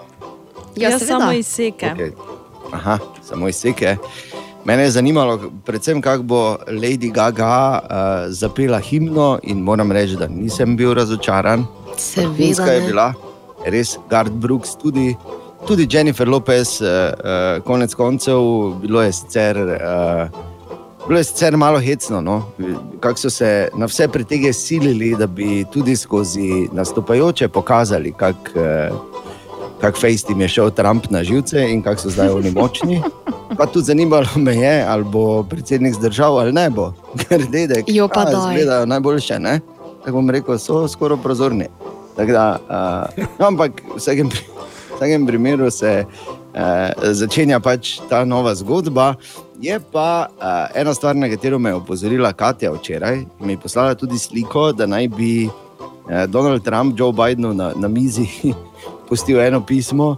Sicer dvomim, da je to res uh, napisal Donald Trump. Ne? E, e, je Zdaj čakaj malo. Ne? Torej, eh, tradicija je, da ameriški predsednik v odhajanju napiše ja. ameriškemu predsedniku v prihajanju osebno pismo in mu ga pusti na mizi v ovalni pisarni. To so zdaj naredili predsedniki sto let nazaj. Čeprav Trump je bil prvi, ko je z nuklearnimi kodami šel, pa jih ni predal, ne? je tudi tu moče drugačen, ampak načeloma je to taka neka fina tradicija, kjer ti z lepo besedo pospremiš naslednika. To je nekaj, kar ima Trump v krvi. Ne? Lepo od besedo, ja. Ja. Je pa res, da je fajn, veš, kaj pridejo eh, nuklearne kode, pridejo prav, ko se pogajaš za ceno parcele. Veš kak? Si je vzel vsak, vsak primer. No, tem pismu je, v tem pismu je Donald Trump napisal, na, uh, Dear Joe ga je poimenoval. Ne? eh, In napisal notri, da upa, da bo užival v moči, ki jo je dobil, da mu je popolnoma uničil volitve, in pa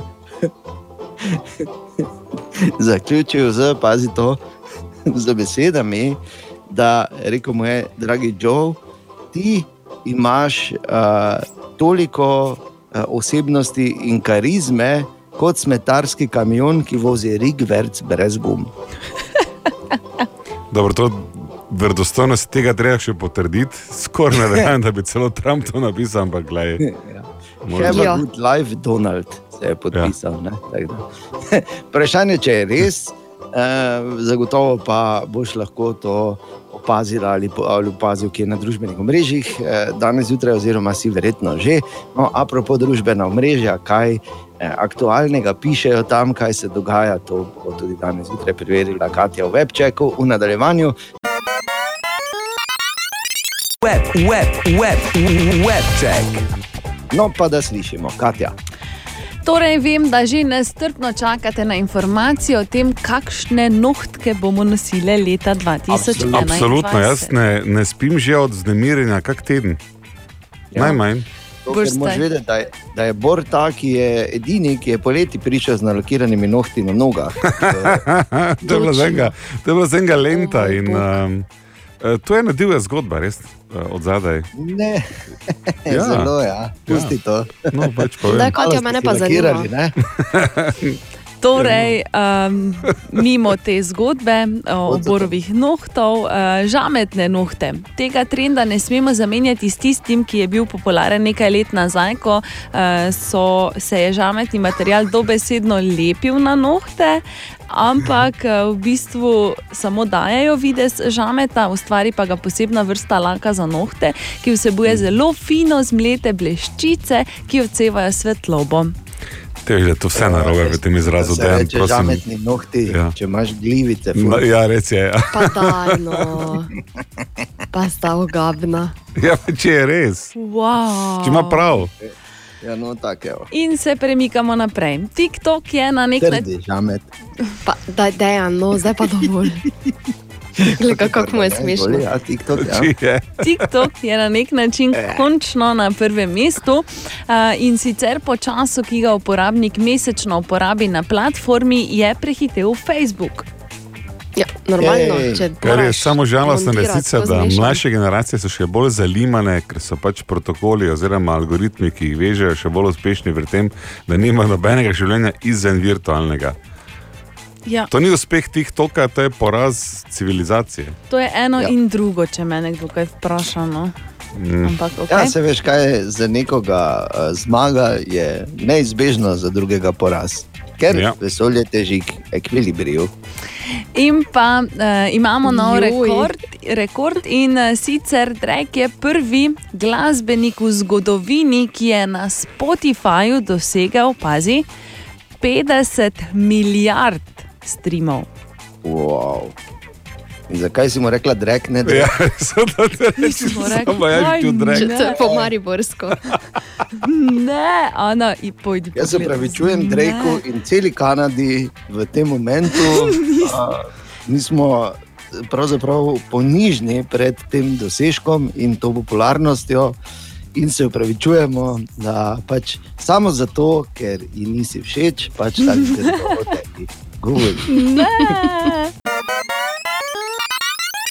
Želimo dobro jutro. Dobro, Dobro jutro. jutro. In če je kak mesec, ki je poln izzivov, pa zdaj, uh, prosim, Je to če stopimo malo- 2020? Mesec.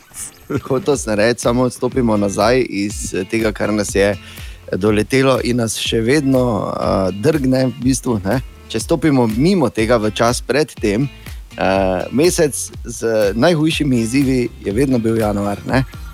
Januar, Ja. ko si se pobiral A finančno po decembru, B, ko si se pobiral fizično po, po decembru, C, ko ti ni šlo, da bi se držal svojih fizičnih novoletnih zaobljub v decembru, oziroma ob eh, koncu decembra, in ko eh, v bistvu veš, da je še celo leto pred tabo in da ni konca in ni dopusta blizu.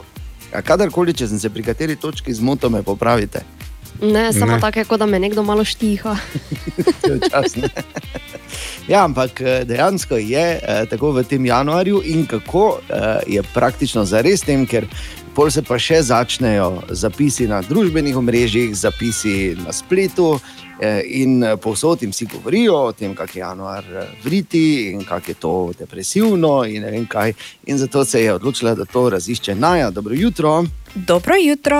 Kak je Že januar je znan kot najbolj depresiven mesec, saj je pravo nasprotje meseca decembra. Ugasnejo se božične luči, praznično vzdušje izgine, lahko se pojavi finančna nestabilnost, k slabi volji pa pripomore tudi razočaranje, ko ljudje začnejo opuščati svoje novoletne zaobljube.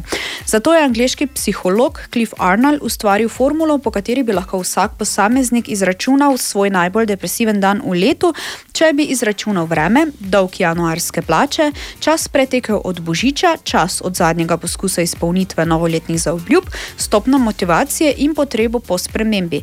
Ampak, ker formula nima enot, fizikalnih količin pa med seboj sploh ni mogoče povezati, formula ni matematično smisela in se je pravzaprav ne da izračunati. Je še komu formula pokazala več kot ima januar dni? Pa. Ampak, eh, Naja, kaj pa čist konkretno datumi? Datumsko gledano je to najpogosteje 21. januar, nekateri pa menijo, da je to tretji ponedeljek v januarju, drugače poznan kot Blue Monday, modri ponedeljek. Okoli tega krožijo tudi govorice, da je najbolj depresiven dan le marketinška poteza turističnih agencij in prodajalcev alkoholnih pijač, ki so sistem želeli le povečati dobiček. Cliff Arnold pa je povedal, da je s to formulo želel navdihniti ljudi k drznim življenjskim odločitvam. Tako da še enkrat več, to je vse skupaj samo en marketinški natek. Čakaj, čakaj, čakaj. čakaj. Januar je depresiven, formula je sicer slaba, ampak niste mene vprašali, jaz sem rešitev. Med 18. in 21. je, ampak mora pas na četrtek, jasno. Tako da letos je 21. prihodnje leto bo. Petek. Ja, ne deluje, ne? Kaj? Pusti ga. Kaj zdaj? Vrede je, bombi. Četrtek mora biti, Ana, četrtek, ne more biti ponedeljek najbolj depresiven, se pa to vemo. dobro, dobro, dobro. Ampak eh, dejansko je res vse v glavi, tako da potrudi se pač narediti najboljše iz tega, kar imaš, in eh, se ne ozirati na to, kaj ti govorijo, da je samo zato, da bi ti lahko prodali nekaj, kar ne rabiš. Pa dobro jutro. Dobro jutro. Dobro jutro. jutro. Ena od treh, treh, treh. Jutranji sprehod po zgodovini popularne glasbe. Ja, in danes se ustavimo pri še eni, pa recimo mu legendi, no, ki danes praznuje svoj 71. rojstni dan in sicer je to Leslie Sebastian Charles. To seveda samo po sebi ne pove kaj veliko, če pa rečem Billy Ocean. Oh. pa, Get out of my dreams, get into my car. Ja, ja. Let me dream, točno to. Ne? Točno tako. Točno tako je. Ja. Točno tako, v bistvu. Ti, Ja. si, ti si res temnopolti pevec iz 80-ih, bolj zdaj smo. Billy Billy Ocean je Ocean, nekaj drugih hit, ker imam kar nekaj jih. Ja, ja, Billy Ocean, ki Verjetno je, je zdaj. zaznamoval 80-ta, recimo s hiti kot so Caribbean Queen.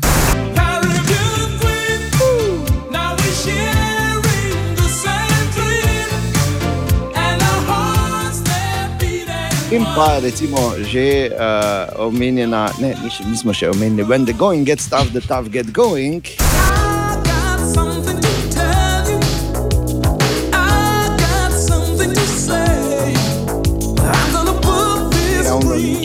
Uh, ljubitelj najkrajših naslovov hitov. Ne? Ne, In pa zdaj ja. uh, še moramo omeniti tudi to, ki je Bor tako lepo zapel.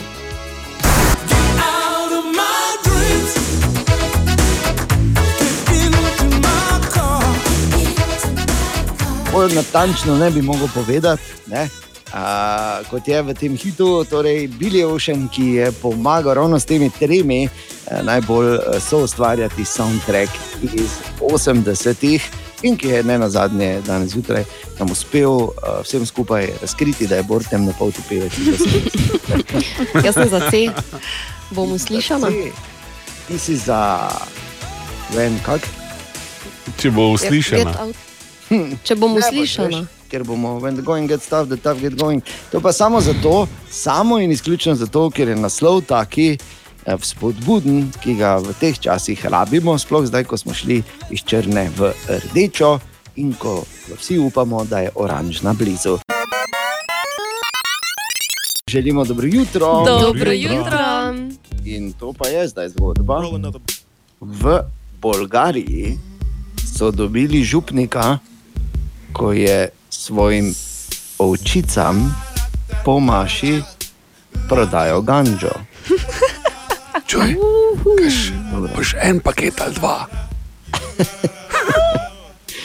Na mesto hostije en pakelček. Uh. Da pač ni, ni za stojn bilo. Ne. Nas sprašuje, to ste samo usta odprta jezik. Vidiš, Glej. Ne samo temnopolti pevec z 80-ih, tudi pokvarjeni župnik iz Bolgarije. Ekipa želi dobro jutro. Dobro jutro. Ja, tako. Narečja so zakon. Ha, kva, koga, kaj? Ma ne razumem. Četrtek 21. januar in naš eh, bič lingvistični Marko Fras, za katerega nas je, seveda, ki nas je uspel v teh uh, nekaj letih, odkar je z nami, totalno prestrašiti. In, uh, Samo res. Samo res. Prosti, zdaj ko si rekel. Ne, ne, oprostim ti, ker sem Ne, le, se strosil, sem se, ko si rekel, Ti si Marko, fraz, bič, bič božji. In zdaj sem pokapiral, kaj je Ne, naredil. Ne, ne, ne, on je prišel s svojim prijaznim obrazom in eh, s temi jajcami, ne, kot ti darovi danajcev, pa od zadaj pa samo. vtš, vtš, vtš. Tako običajno pridejo s prijaznim obrazom in z jajcami. ja. Ampak eh, nareče se zakon vseeno uh, super, super zgodba, ki jo peljemo pri nas vsak dan na radiju. In Marko, dobro jutro, kaj smo iskali na zadnje? Dobro jutro. Dobro jutro. jutro Na zadnje smo iskali narečne verzije te povedi. Kdo je že spet kuril z žigalicami? Moje ime je Aleš, prihajam z Goričkega in uh, na reči bi to zvenelo, štere že pa kiro za spicami. Živijo boje tukaj sežane, mi rečemo tej povedi, kadujeta bod palo ferminante. Dober dan, Frančka. Prihajam iz Kočevja, v naši kostevskem narečju se bi pa ta lepoved glasila tako. Kdo je spet palil s šibicami? Sem Janja, prihajam iz Vitomarc, kdo je že pa kura s šibicami. Moje ime je Jrneja, prihajam iz eh, svetega Tomaža, pri nas pa rečemo tako. Pa kdo je že opet kura s šibicami? Sem Leon Skobelja v Prekmurju, pri nas pa pravimo, što je pa kjero z djojtami. Moje ime pa je Mirjana, prihajam iz ene majhne vasice v avstrijski meji, kaplja na Kozjaku. Pri nas pa vaše povedi izgovorimo takole. Kdo je že drčnjeto z šibicami? Gre pa tukaj za severno-pohorsko remšniško narečje, ki je del koroške skupine. Jaz sem Sandej, prihajam z okolice Ormuža. Mi bi pri nas rekli, kdo pa odkura šibicami. In še na hitro nekaj povedi iz Facebooka, kjer je spet vujžga s temi šibicami, što je že po kurju s šibicami, što je po z špicami kura, kjer je spet hat s šibicam, pa kjer je spet šplenkami kuru in kdo je že spet pržigal mašince. To je pa iz Gorenske, se upravičujem za vse izgovorjave, seveda. Ok, v tem tednu pa iščemo narečne izraze za to, ko nekdo močno brcne, udari, vrže žogo. Da stisne šutko, naprimer, ali pa speče bombo, vrže granato in tako naprej. Kaj pravite vi trije? Božika, bratov ljubec in budalo. Bom jaz budala vzel, ker dejem brata ljubec, pa bi samo rekel, da tako hakl, ko je oni dal z desno. Huh. Ni tako rekla zdaj? Okay, tako smo rekli. Ja, no, nekako tako je bilo, ne? Ni bil hakl, to je. je. Uh, Marko, kaj si nam v bistvu rekel? Nisi nam rekel Nič nam rekel. Nam rekel. Podbudal. Je, je, je, je, je, je. Božika, oziroma po mačarsko ahet pteš bde, je pika polonica. Oh, kako lepo. Bratov ljubec je bratoljuben človek, budalo pa je. Je budalo, omen neumen človek, a kaj ste mislili, da bo zdaj nekaj čisto tretjega? Ja, ne, ni. Ja, ne, ni, ne. Vidiš? Se bi Ne mu človek, glej, bi mu človek dan zameral, samo jaz mislim, da tako kot uh, Marko je na poti do duplega doktorata iz uh, dialektov, se mu vse oprosti. Če ne bi jaz bil bratov ljuben, bi se te stvari slabo končale. To je vse, kar bom rekel. Pa ne bi kazal za koga. 11 minut, če 7 je ura, Ma, ne pozabi, nareče se zakon, vsak dan fras in medved šel po drugi. Ha, koga? Ma ne razumem. Narečja so zakon. Dobro jutro, Dobro jutro. Ja, dobro jutro. In veš, kak je, ko je zdaj čas, ko smo ogromno na videokonferencah že več kot leto dni. Ne? Oziroma skoraj Ja. leto pardon, Zdi se v bistvu dlje.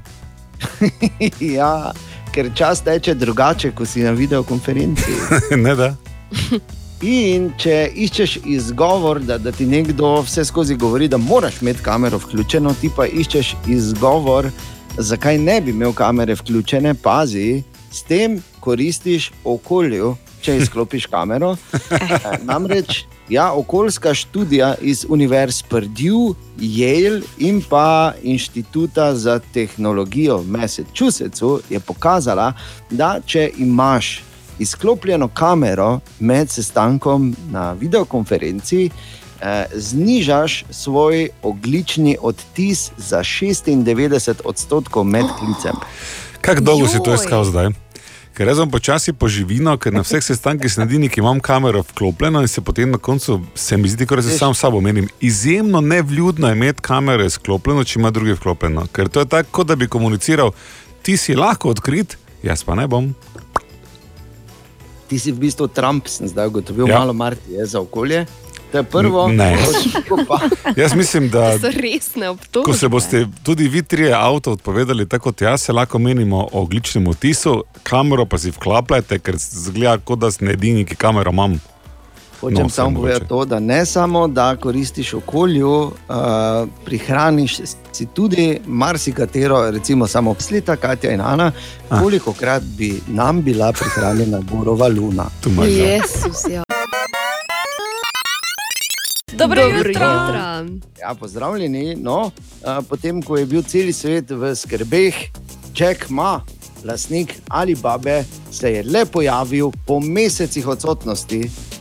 Si ga le odvezal, gor ne. Malo me plavovko samo ne. Aha, aha, aha, aha, aha, aha, aha efekt. In danes bo torej v High Effectu Bor poskušal uh, uh, torej razbiti ta veliki mit, v katerega je ovito vprašanje Tanje, zakaj veliko krat trznemo par sekund, preden zaspimo. To trzanje ima celo svoj izraz, eh, vedno sredi kakšne tujke, ki je potem ne bomo nikoli več se spomnili, naučimo. Mhm. Hipnagogne halucinacije ali hipnagogni krči. Torej, ko mi gremo iz um, tega stanja prebujenosti v stanje spanja, seveda cel sistem počasi ugaša in psihologi pravijo, da ti nenadni krči, kot je tak, se zdrzne, ali roka, ali noga, kaj ti se smeji, ker se zdaj jaz se zelo doživeto pripovedujem, pa se. Ja. pa trzem zraven. To je enostavno samo eh, kak signal iz možganov, ki je pobegnil.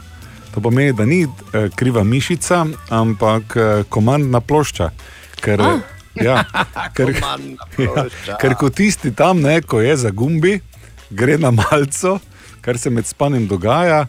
Ne, pač včasih kakšen gumb stisneš, še, ali pa moče se je rukna kam v, v rob.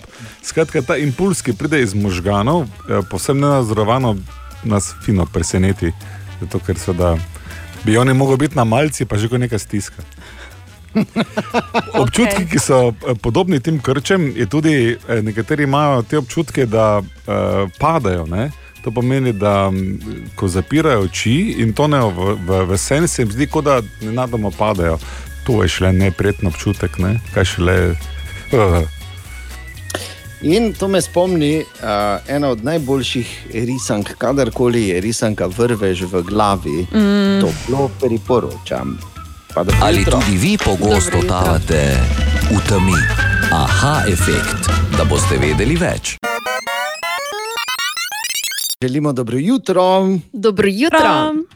No, ena od mojih definitivno najljubših serij na Netflixu, uh, pa to zdaj uh, naj bo. Peaky Blinders, Peaky Blinders, ja. Peaky Blinders. Peaky Blinders, zgodba, ki govori o torej, eh, družini Shelby in uh, gradnji njihovega kriminalnega imperija v Birminghamu in Londonu po prvi svetovni vojni. Serija je vrhunska, pet sezon je že mimo, šesta sezona uh, prihaja.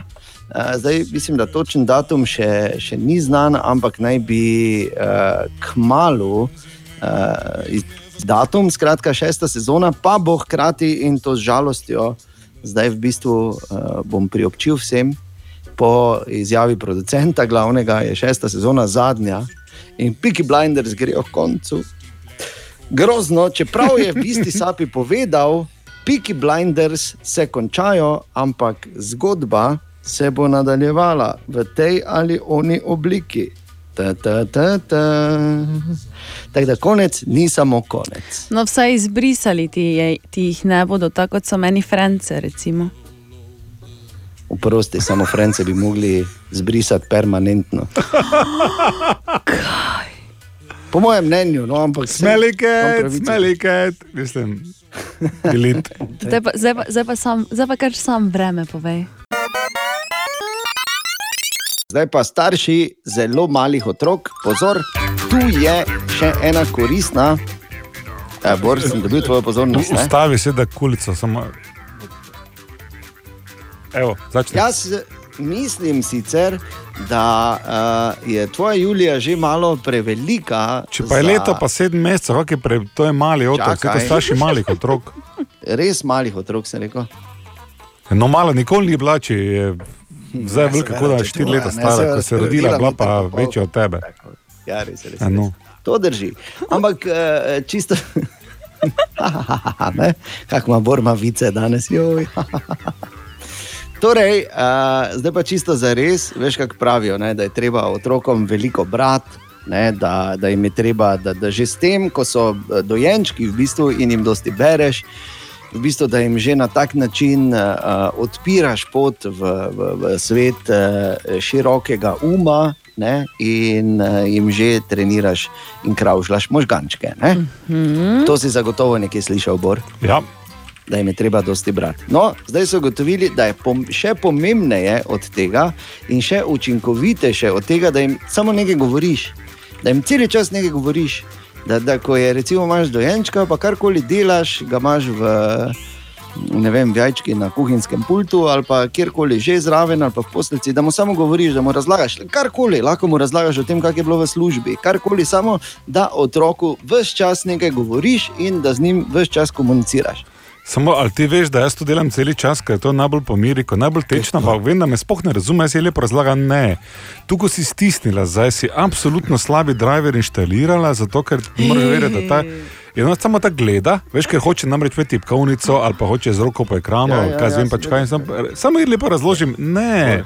Pa še že otroci vejo, da ne moreš iti skozi eh, assembler, ko kompajlaš eh, tako kodo in ona tako posluša. In v veliki primeru, v večini primerov se samo obrne pred mame. ne. Je zelo želen učinek, veš kaj mislim. Bi samo rekel, Bor, da ti si tako tako pred svojim časom in dosti stvari delaš pravilno, instinktivno. Kaj bo hvala? Zdaj pa nič, ne, oni se rodilo, pa je bila večja kot nikoli, zdaj imaš kot ti palke, da bi bili Nazaj vzamem več. Kviz brez Google. Oh -oh. Izvoli, Tomaš. Danes pa v kvizu brez Google z mano Maja. Maja, zdravo. Zdravo. Si pa rajt, Maja. Ja, Ajde, gremo kar, kar v akcijo. Za 10 evrov najlažje vprašanje, kako se imenuje znamenje za ton. nota. Nota, bravo, Evo, že imaš 10 evrov, se sliši, se čudno, ne? Ja. Ampak ja, ja nota je to, ne? Malo, malo bolj se sliši kot je. Za 20 evrov, spet smo malo pri muziki, po katerem glasbenem žanru je znana ameriška pevka Dolly Parton. O, Na jugu Amerike, to je zelo, zelo, zelo popularen žanr. country. Country, če imaš 20 evrov, gremo še teže za 30, kje se nahaja rt dobrega upanja. To je taki znani. V Ameriki. Ne? O, ne vem. Še nisi slišala? Znano mi je, Znano je, ja, vsem nam je znano, kje pa točno je. Pa. Hm, ne vem. v Ameriki ni. Zaključimo. Zaključimo. Ok, čestitke, 20 evrov je tvojih, to je pa na jugu Afrike, spodaj čisto. Ojoj, ok. Evo, vemo za drugič, ne? Ja. V redu. Hvala ti za igro, Maja, lepo bodi. Hvala, adijo. In seveda še najtežje vprašanje, kdo je bil leta 2009 svetovni prvak v Formuli 1? Hm? 2009. Kaj ni bil to še Schumacher? Ja, Schumacher, meni gre samo Schumacher po glavi. Takrat je on še Ne vem, če dirkal. ni bil Alonso. Tomaš? Leta 2009 je svetovni prvak v Formuli 1 bil enkrat in edinkrat Jenson Button. A, Jensen Button. to je. imaš zdaj. Jensen Button je bil to. Še ko vem nekaj, še ko v nekem športu vem nekaj tekmovalcev, te še trat ne morem imeti prav, pa ne da je kviz pragu. Ja, naj gre k vragu. Naj gre k vragu čez tri gore, ko bili vred. Kviz brez Google. Oh -oh. Danes je torej petek, 22. januar in uh, upam, da ste dobro spali, pripravljeni na nov dan. No, uh, ker je bil včeraj 18. krok uh, angliške nogometne lige oziroma angliške premier lige, katerem je po skoraj štirih letih Liverpool izgubil doma na, na Enfieldu, čutim danes zjutraj moralno obvezo, da kot navijač Manchester Uniteda iz prvega mesta razpredelnice pozdravim navijače Liverpoola na četrtem. Dobro jutro. Dobro jutro. Dobro jutro. Želimo dobro jutro še enkrat. Dobro Dobro jutro. jutro. Ja, danes je že petek, 22. januar eh, in super enaki in super enaki, zgodnjih jutr, pozdravljeni. Eh, In eh, že takoj hvala lepa, da pomagate, da se kugla vrti naprej. Srečamo se na naših družbenih omrežjih vsako jutro in jasno, nekomu vsak dan damo komplet mask, ni nam lahko, ker je to najmanj, kar lahko naredimo. Uh, in danes zjutraj smo jih žrebali, pa zato uh, Franci uh, se je oglasil in pravi, da pravkar s prijateljem Davorinom pijeta kavico in čakata prvo od 13 gruš betona. Kaj? Gruška betona. Od 13. Ja, 13, ker pravi po naporni pripravi ter šolanju. Včeraj smo danes zelo izčrpani, ampak nas vse žene moč, da pomagamo prijatelju Davorinu pri gradni nove štale. In pravi, da komaj čaka, da bo mine kakšen mesec ali dva, da bodo občudovali rezultate napornega dela. In je super, mi pa uh, seveda. Uh, Franci želimo, da bi vse skupaj ratalo, da bi bilo vse v vinklu, vinklu in pod plajbo, kot se reče. in pa seveda lepo pozdravi tudi Davorina in uh, danes zjutraj oba, tako Franci ti kot Davorin, dobita komplet mask, ni nam lahko, evo ga. Tako da čestitke, so. In ne pozabi, če pomagaš vsako jutro kroglo vrteti naprej, eh, vse, kar moraš narediti, je, da se nam oglasiš na družbenih omrežjih ali pa da prijaviš koga, ki bi si to zaslužil po tvoje. In eh, maske ni nam lahko, zaščitne maske ni nam lahko, najbolj kul cool maske tam zunaj so lahko tvoje. Tak, zdaj pa gremo mi tu čakati novo gruško betona, ki je ura 10 minut čez 6. Dobro se Dobro jutro. Želimo dobro jutro. Dobro Dobro jutro. jutro. Dobro jutro. In nič, ni, uh, nič ne paše bolj v petek zjutraj, kot se pogovarjati o velikih misterijih tega sveta. In ne, mm. Borne, ne bo to zgodba o tebi. Um, Pa tako se je že smejal. ja, vem. Ja. Torej, ena od uh, najdlje, eden najbolj uh, zakorenjenih ali pa najdlje trajajočih misterijev v zgodovini človeštva je zagotovo misterij pošasti iz jezera Nes na Škotskem, torej iz Loch Nessa, oziroma popularna Nessi, ki so jo prvič zabeleženo videli leta 565, ne 1000, ampak 565. Joj. Ja, a, ampak čisto za res pa se je ta misterij začel odvijati le, od leta 1960, ko je en je aeronautični inženir a, snemal slučajno Loch Ness in je pač posnel to, da nekaj velikega tam plava gori. Ne? A, recimo, ogromno je bilo od takrat in vsako leto znova uh, viden te pošasti v jezeru Nes, ki je postalo prav, uh, prav legendarno no, zaradi tega. Uh, recimo, več kot 12 opažanj je bilo v letu 2020. Uh, recimo, še najbolj tako glasno lansko opažanje je bil sonar na ladji. Ki je uh, zaznal predmet dolg 10 metrov v globini 500, oziroma v globini 150 metrov dol v jezeru Loh. Ne, tako da, Okej. ja. Ampak zdaj pazi, Oh. dr. Henry Bauer, ki je uh, profesor emeritus na Virginskem politehničnem inštitutu, pravi, da je razrešil to stvar in pravi, da nesi, ki jo najbolj povezujejo z nekim uh, plezozaurom, uh, pač njeno podobo, ki je seveda že zdavnaj izumrl, pravi, da to sploh ni dinozaver, Mhm. ampak da naj bi bila nek tip še neodkrite morske želve, ki je ostala ujeta v tem jezeru med zadnjo ledeno dobo.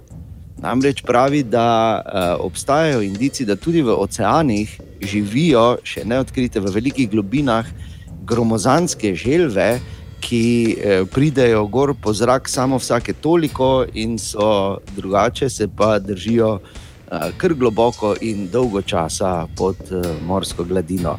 Tako da, uh, nesi je v bistvu želva, ampak če je želva, zakaj niso dobri, ker želve so počasne. Ma, malo ima ne dolgi vrat za želvo, ta nesi.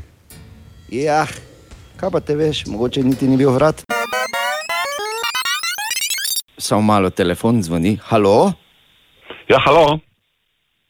Halo? Halo? Ja. Kaj Ja. delaš ti? Čuj, uh, kliče me. Ja, nehaj, ne bi nikoli ugotovili. Ja, ker veš, včasih, zdaj, vi se ne boste spomnili, ker ste pač malo mlajši, ampak včasih, ko si imel komu kaj zapovedati, si dvignil telefon, pa si ga poklical, zdaj pa zdravo, kak je, kak si? Kaj? Dobro. Ja. Kaj- Kakšne so novice? Ja, nimam nobenih novic, sam pač gledam, če ta kanal komunikacije še dela, so se že na telegramu, gor ali signalu, kje že. Ok, hvala Ja. lepa, Bor, torej dela, to smo Če delate? Web, web, web, web check.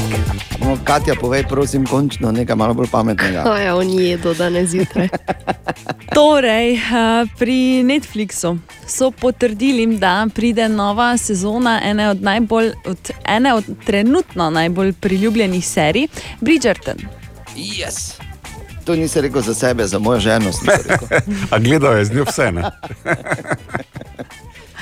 Prisiljen sem bil. Ja, ja, seveda. Jaz sem mogel Vampire Diaries gledati, pa je bilo grozno. Vampire Diaries gledal.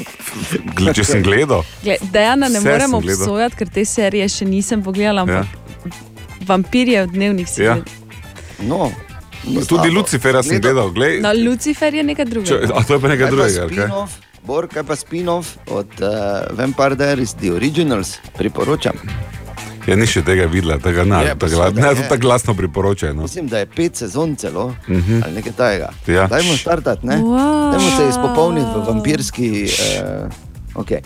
Torej, Katja, Kaj se zgodi, če na balju ne nosiš maske? Prisilijo te. Dosti ne, tega. Ne, te, no, ko jih imamo zdaj Ja. ja. zaradi COVID-a. Uh, prisilijo te telovaditi. Tuje turiste, ki na otoku ne nosijo maske, čaka predvsem nenavaden, nenavadna kazen in sicer 15 sklecov za tiste, ki maske ne, na, ne nosijo pravilno, in 50 sklecov za tiste, ki so brez maske. V bistvu paziti, svetovno. Če si ženo tam na dopuste, nas smeš razkuriti, ker ti masko skrije. Pa daj. In pa oboževalci serije The Simpsons, The Simpsons so prepričani, eh, da je serija napovedala še eno veliko stvar in sicer, da bo Kamala Harris postala predsednica. Zakaj? Zato, ker je na inauguraciji nosila popolnoma enak outfit kot Lisa Simpson, ko je postala predsednica. Obe sta imeli vijolični sako, pa verižico iz belih perlic. tako. Dobro, to si Ja, ja. z eno nogo že v QAnon teoriji, ampak ti pa moram povedati, da je kdo videl, kaj ima Bernie Sanders obličeno. Ja, rokavičke. E, ja, nek, ne kar neke pletene rokavice in ta ženska, Tako, ki je dala mu jih je učiteljica, ne? tako, ta učiteljica, ki jih je spletla, je zdaj glavna zvezda posod, ker Bi ona je naredila to, to. da se ne smeš uh, norčevati iz uh, napovedi uh, Simpsonovih, ker so Ja. napovedali Vse v že. svoji zgodovini že ogromno stvari. In kar je Mhm. zanimivo, je to bilo že leta 2000, ta serija, ko je, oziroma ta del, ko je Lisa postala predsednica. tako Da, pa tako zgleda Berni, tako prozorno. Bajna si mislila, ne? Čas bo za skoraj nemogoče vprašanje. Že? Kaj se mi Ja. zdi, ali je vedno znova, ko tega igramo, ta muzika malo bolj zlobna. Taka, t- t- t- t- t- Odvisno No, meni se ful prijazno zdi. za tezensko princeso, ki kraljuje v tej naši zdaj že tradicionalni jutranji igri, petkovi jutranji igri, se zdi kot uh, uh, balzam. Ne? Tako. Se namažeš, tak- pa si mehki, pa dišiš. Tako potem Jaz sem nekajkrat napovedal, da bomo to vladavino ukinili, pa se nič ni zgodilo. Zdaj Ne, nič rekel, samo bom pač te. Katja pa Tu. samo modro molči. Ja, ker me sploh ne upoštevate in moji zadnji dve zmagi, tako da vi se kar menite. zadnji dve zmagi? Vredno je. Na zadnje sem jaz bila. Ja, Mislim. ker Katje ni bilo, pol pa dve nazaj je pa bila Katja zmagovalka, ampak to Tako pač je. vsi lepo ignorirate, vi ker. Pa, poznaš to eh, staro reklo, ko pravi, ena lastovka še ne prinese pomladi? Boljše ena kot pa nobena, bor. Niti ne, imaš ker ti doma? To se sliši ena, kot- ena lastovka ne more niti gnezditi. In lastovke, vemo, morajo gnezditi, da ohranijo vrsto. Nič ni to. Ja. Koliko lastovk imaš ti doma? Dva, štiri, šesti gnezdi Joj, daj, pri nas. Kompro, kompromitiraš se. Ne, povem samo šest jih gnezdi pri nas, od tega sem znano anegdoto o tem, kako je mama male lastovke vum vrgla, pripovedoval na zadnje in ne bi je ponavljal, sem tam rekel, to, kar se zgodi pri lastovkah, se tudi lahko zgodi druge. Grožnje, vse Zdaj se je naredil A za mamo, B, uh, kak je, eh, hvala Bogu, ne bomo poslušali, kako je dojil mlade lastovke, in C, ja. lastovke so zdaj na jugu. Ja. Torej, poslušaj. Skoraj nemogoče vprašanje za danes, tudi tokrat korenini v statistiki iz Evropske unije. In pravi takole: 32 odstotkov vseh moških, torej malo več kot 3 od 10, uh, uporabljajo redno to, kaj so prepričani, da izboljša njihov uh, videz. Brokoli, hrano jejo. Kaj, za, Ne. kaj, kaj čakaj zdaj? Ni Najprej brokoli. od začetka. Lak za lase. Lak za lase, Ana je absolutno pravilen odgovor. Hvala lepa. Pa dobro. Jaz ne, Šef, jaz jaz ne, opravičujem, jaz jaz ne verjamem več, da ta igra danes. poštena. Poštenost te igre je Pa šla daj, veš kam. Googlala je. Kaj res je lak? Ja, res je lak za lase. Kako je Zmagovalka. lak? Še enkrat. Kaj je, glej zdaj, samo malo, samo malo, glej za to dvojno igro. Iz prve je zadela, zdaj se pa čudi. Sama sebi se čudi, kak je zadela. Ja, seveda. Da se ne bi skozlo na opravičujem, dva. Ah, uh, Jaz bi se rekla, da včeraj na sestanku so mi rekli, da če danes uganem, bomo ukinili Ja, igro. Jaz res, res nisem je. htela. Katja, Samo malo. Ker jaz, ko sem to prebral, sem si mislil, pa kdo za vraga. kdo to za ne vraga boste to dela in kdo za vraga to misli? Ah, poznamo par ljudi. Kaj, lak za lase? Uporabljajo moške, ki Pa, uporabljajo. Če imaš pa za žele, lase. zakaj bi lak za lase uporabljal? To je absolutno nelogično. želeti sprime. Draj Kaj ti veter žele? tafteri. Kakšne želite imaš ti? ti laske. Laske. Ja, mora biti vosek. V redu, v redu. Ah. Ana, Ana, čestitke, ali kaj ti rečem. Enkrat iz prve je udarila Katja. Veš, Bravo, Ana. Je, gled, Ja. ja. Jaz, eh, ko, ko je potrebno, pohvalim, priznam, meni je to vse Mm. jasno. Jaz, še vedno mislim, kako me ne marate. Pomisli samo na male lastovke, ki padajo iz gnezda. 18 minut pred sedmim. Dobro. Čestitke, Ana. Jutro. Joj, hvala. Ena od treh, treh, treh. Jutranji sprehod po zgodovini popularne glasbe. In tako se danes ustavimo pri še eni absolutni legendi, ki bi prav danes praznoval svoj 61. rojstni dan, ampak seveda žal ne bo, kajti že od novembra leta 1997 ga več ni med nami, ko je šel, je bil star vsega 37 let. Eden od uh, najbolj markantnih vokalov, pa tudi osebnosti v zgodovini rock'n'rolla. Michael Hutchins, Michael Hutchins oziroma Mick Hutchins, pevec skupine In Excess. Seveda eh, ne bomo danes, to ne bo, ko govorimo o, o vsak dan o, o teh največjih osebnostih, to ne bo zgodba o tem, kako je umrl, ker je. Um, tako bomo Pač to rekli. žalostna ne. zgodba, ne? zgodba. Ne, Res je, zelo žalostna zgodba, ampak uh, bomo raje govorili o tem, da je bil res vrhunski.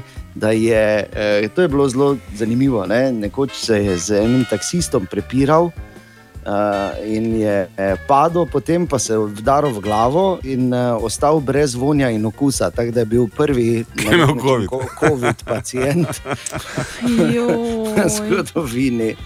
Bogi. Ampak je pa res, da je zaradi tega, da je to vse skupaj bil tisti kamenček, ko je šlo pri njemu žal ni zbrdo, ker je to prineslo depresijo in potem vse ostale, bomo rekli, škodljive prakse, ki so na koncu pripeljale do prezgodne smrti. Ampak Michael Hutchins Čakaj malo, oni potem permanentno sta brez vonja in okusa. permanentno. Ja. Brez vonja in okusa, in kot taki morajo iti skozi življenje. Ampak uh, in ekscesi so bili pojem v 80-ih in prvi polovici 90-ih z, uh, z res samimi vrhunskimi hiti, kot so bili recimo.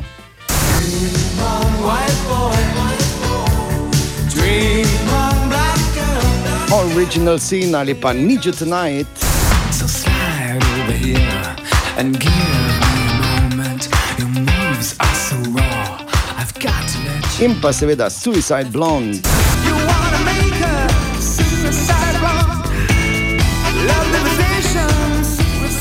Michael Hutchins, torej, ki bi danes praznoval svoj 61. rojstni dan, in ekscese bomo poslušali takoj po oglasih, ampak katero, Uh, Need you tonight. ne, glej, ko tako reče Bor, ne, Ja, nimaš kaj. nimaš kaj. O, Tine! Ja, ampak Tine je na Kaj dopustu, še tako nismo da obor. tega a, na obor? Mislim, šlamparija to v produkcijskem smislu, da se to lahko sam naredi. No, torej, vse rečete, te obor. Obor. O, kak je? Ja, obor. Zdaj, ko ni Tine, te sem malo prevzel tu in v njegovi maniri poskušam najti zanimive stvari, ki bi jih Tine prinesel nam na mizo. In vemo, Tine je, če je, um, zakaj je za uporabo substanc. In, um, ena zanimiva novica pravi, da v visokih uh, uh, uh, pogorjih Nepala, v gozdovih na teh pogorjih, uh. -huh. kaj se morda za koga izključuje, ampak mi vemo, ne, da tudi visoko rastejo drevesa, uh -huh. so gigantske čebele. In te gigantske čebele ne bi bile nič nenavadnega, pač velika čebela je, ne, če ne bi delali poseben med. In ta med uh, povzroča, da če ga uživamo, tudi haluciniramo. Res? Ja. Jaz imam da- samo eno vprašanje. Kaj Ja. gigantske čebele? Velike pač, ne. Uh, 1,1 inča v centimetrih. Napaka, je- napačno razmišljanje. Napačno Ja. razmišljanje. 3 cm čebela. Na, pa napačno razmišljanje. Kaj ima to zdaj za tem, da je med nobene neko drugo- veze Be- to. res- Pa mene čebele zanimajo. Samo da si malo, malo se grda, ne? ni to kaka je ona, ampak kaj naredi. Eh, med. In uh, kar pomeni, da je uh, biti čebelar v Nepalu nekaj povsem drugega kot pri nas. Aha, aha, aha, aha, aha, aha, aha efekt. Sašo je vprašal, zakaj imajo Japonci modre semaforje. Bor, Jaz najprej mislil, da je potegavščina, ker kdo bi te imel modre semaforje, potem še pa malo raziskovati, pa vem, Kitajci uh, ne, ok, v redu, aha, Japonci če pa. vprašaš za Japonce. Ja, in, in gledaš, kak je te. Mož... On ima semafor, pa je zelena, ne? Mhm. od spodaj, od zgoraj, tista, ko gre za levo, je še lahko zelena, včasih, od zgoraj pa modra. Po- Ponekod so vsi modri, ponekod pa vsi zeleni. In zdaj, torej, z zanesljivostjo lahko rečemo, da ni to povezano z Mariborom in našim dvomom do zelene, je pa nekaj, kar bi se morda tudi mi lahko naučili, ker če lahko Japonci uporabljajo modro v prometu, zakaj smo mi obsojeni na zeleno?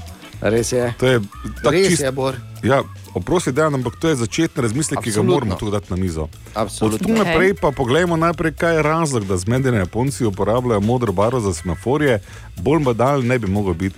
Ker jaz najprej mislil, to je neka tehnična zadeva, mogoče pa Japonci so pametni, tu se bolj vidi, veš, ker je zelena, tako pa on pomirja preveč, v prometu rabiš modro, da veš te ono cukne pa, pa spelješ. Ne, nič od tega ni. Razlog, zakaj imajo Japonci modro na semaforjih, je, ker je v stari japonščini beseda za modro in zeleno je ista beseda. Šele v zadnjih nekaj, v zadnjih nekaj letih so začeli za zeleno uporabljati midori, prej je bilo AO, je bilo zeleno pa modro. Pač En je narobe razumel, ne, ko so delali. Torej, se na robe razumem, pa pa ostali so pač skopirali. Ne? Niso, Japonci tako bolj pametni kot mi, ki je pa. In smo pa še ena druga stvar, jaz bi zdaj nas vrnil nazaj na začetek tega aha-efekta, ko sem jaz postavil vprašanje, uh, zakaj Sašota, ne, oziroma prebral vprašanje Sašota, zakaj imajo Japonci modre semaforje, pa je Bor začel govoriti, da je šel najprej gledati, kaj imajo Kitajci. To je približno isto, kot če te nekdo vpraša, Bor, Mhm. mm. eh, tak, mislim, ne navadno, če nekdo vpraša, kaj tvoja žena je za, pa greš sosedo vprašati. Ali tudi vi pogosto totavate v temi? aha efekt, da boste vedeli več. Merhaba, Amarivor. Ti meni povej, koliko je tvoj voucher number? to so prvo, ki so Voucher number, kaj si znaš? Ne vem, če Pa to so sta- Pa to so stare turške finte. Sploh pa nisi Bor, ampak mi on je recepcije rekel, da me Boro je rekel. kliče nekdo iz Slovenije po imenu Boru. Prvo je sve bilo potrebno potrditi potrdilo o negativnem PCR testu. Ne? In samo negativni smo lahko šli na pot, ne? to je zdaj bilo tako, veš, ko, uh, ko na maturi, recimo ne? v srednji šoli, ko nisi znal, pa si vseeno šel. Ne? Ampak, glavnem, ko smo to dobili, ne? ko sem jaz to dobil, sem to tudi list nosil, ko spričevalo iz srednje šole. Ne? Ko sem komaj čakal, da prijem domov, pa ga dam fotor v roke. Ne? Kaj je zdaj stari, kdo je, kdo je butl. Ne? Pa mi je fotor vedno lagano rekel, ja, vse se za sebe učiš. Ne? Jaz sem si sam mislil, kaj pa me te drkaš celo leto, ampak ok, tako nekako je bilo s temi potrdili, ne? ker noben na svetu ne, me ni v tej poti vprašal za tudi list. Ne? Um, res je, da so na letališčih tu v Turčiji vse posod termalne kamere, ki ti merijo temperaturo. Ne? To je tako zabavno, ker se postaviš 5 metrov ve- stran, pa vidiš, da imaš 35-4, a naslednji imaš že 36-1, ne? Pol je bila tretja, si imel 36-7, te boga moliš, da ni več četrte, ne? So pa sva moji Turki zvohali, da smo tu, ne? Dobil sem kar nekaj ponudb na Viber, ne? Ali pa WhatsApp, ker mojo števil- številko, ne? Vabijo me, ampak to si puščam, ja, to si puščam za drugi teden, to grande finale. Ti testi, PCR testi, ki jih moramo vedno pretekmo delati, včeraj so, smo to naredili v hotelu. Uh, v nos in grlo so nam potisnili palčko. Jaz sem pri sebi razmišljal, da zdaj še samo ušesa ostanejo, ne? potem pa bore malo lukn še, ne? kam bi ti to tišali. Tako da uh, jaz upam, da, da tako daleč ne bo šlo. Ne? Kak je bilo šalca na avionu skupaj z celjani in eh, z Muro? Ja, dobro, zdaj, mislim, zdaj ne vem, kako si to ljudje predstavljajo. Zdaj to ni tako, da, da, bi, da bi mu raši dali gola žven, oni pa celske mesnine, ker sem sponzor, pa da bi mi to vse zdaj skupaj, pa se malo menili, pa, pa v krogu plesali. Je pa le fajn, če jih na zadnje premagaš, ne, ker se drugače sedeš ne, na zid, spreješ.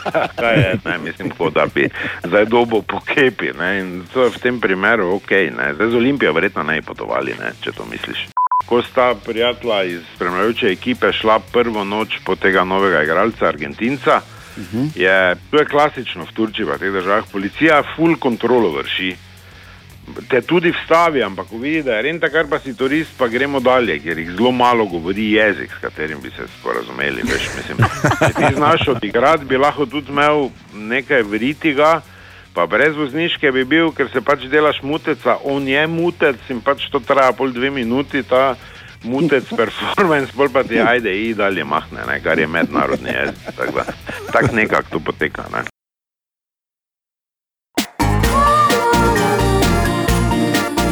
Dobra, mali in stari.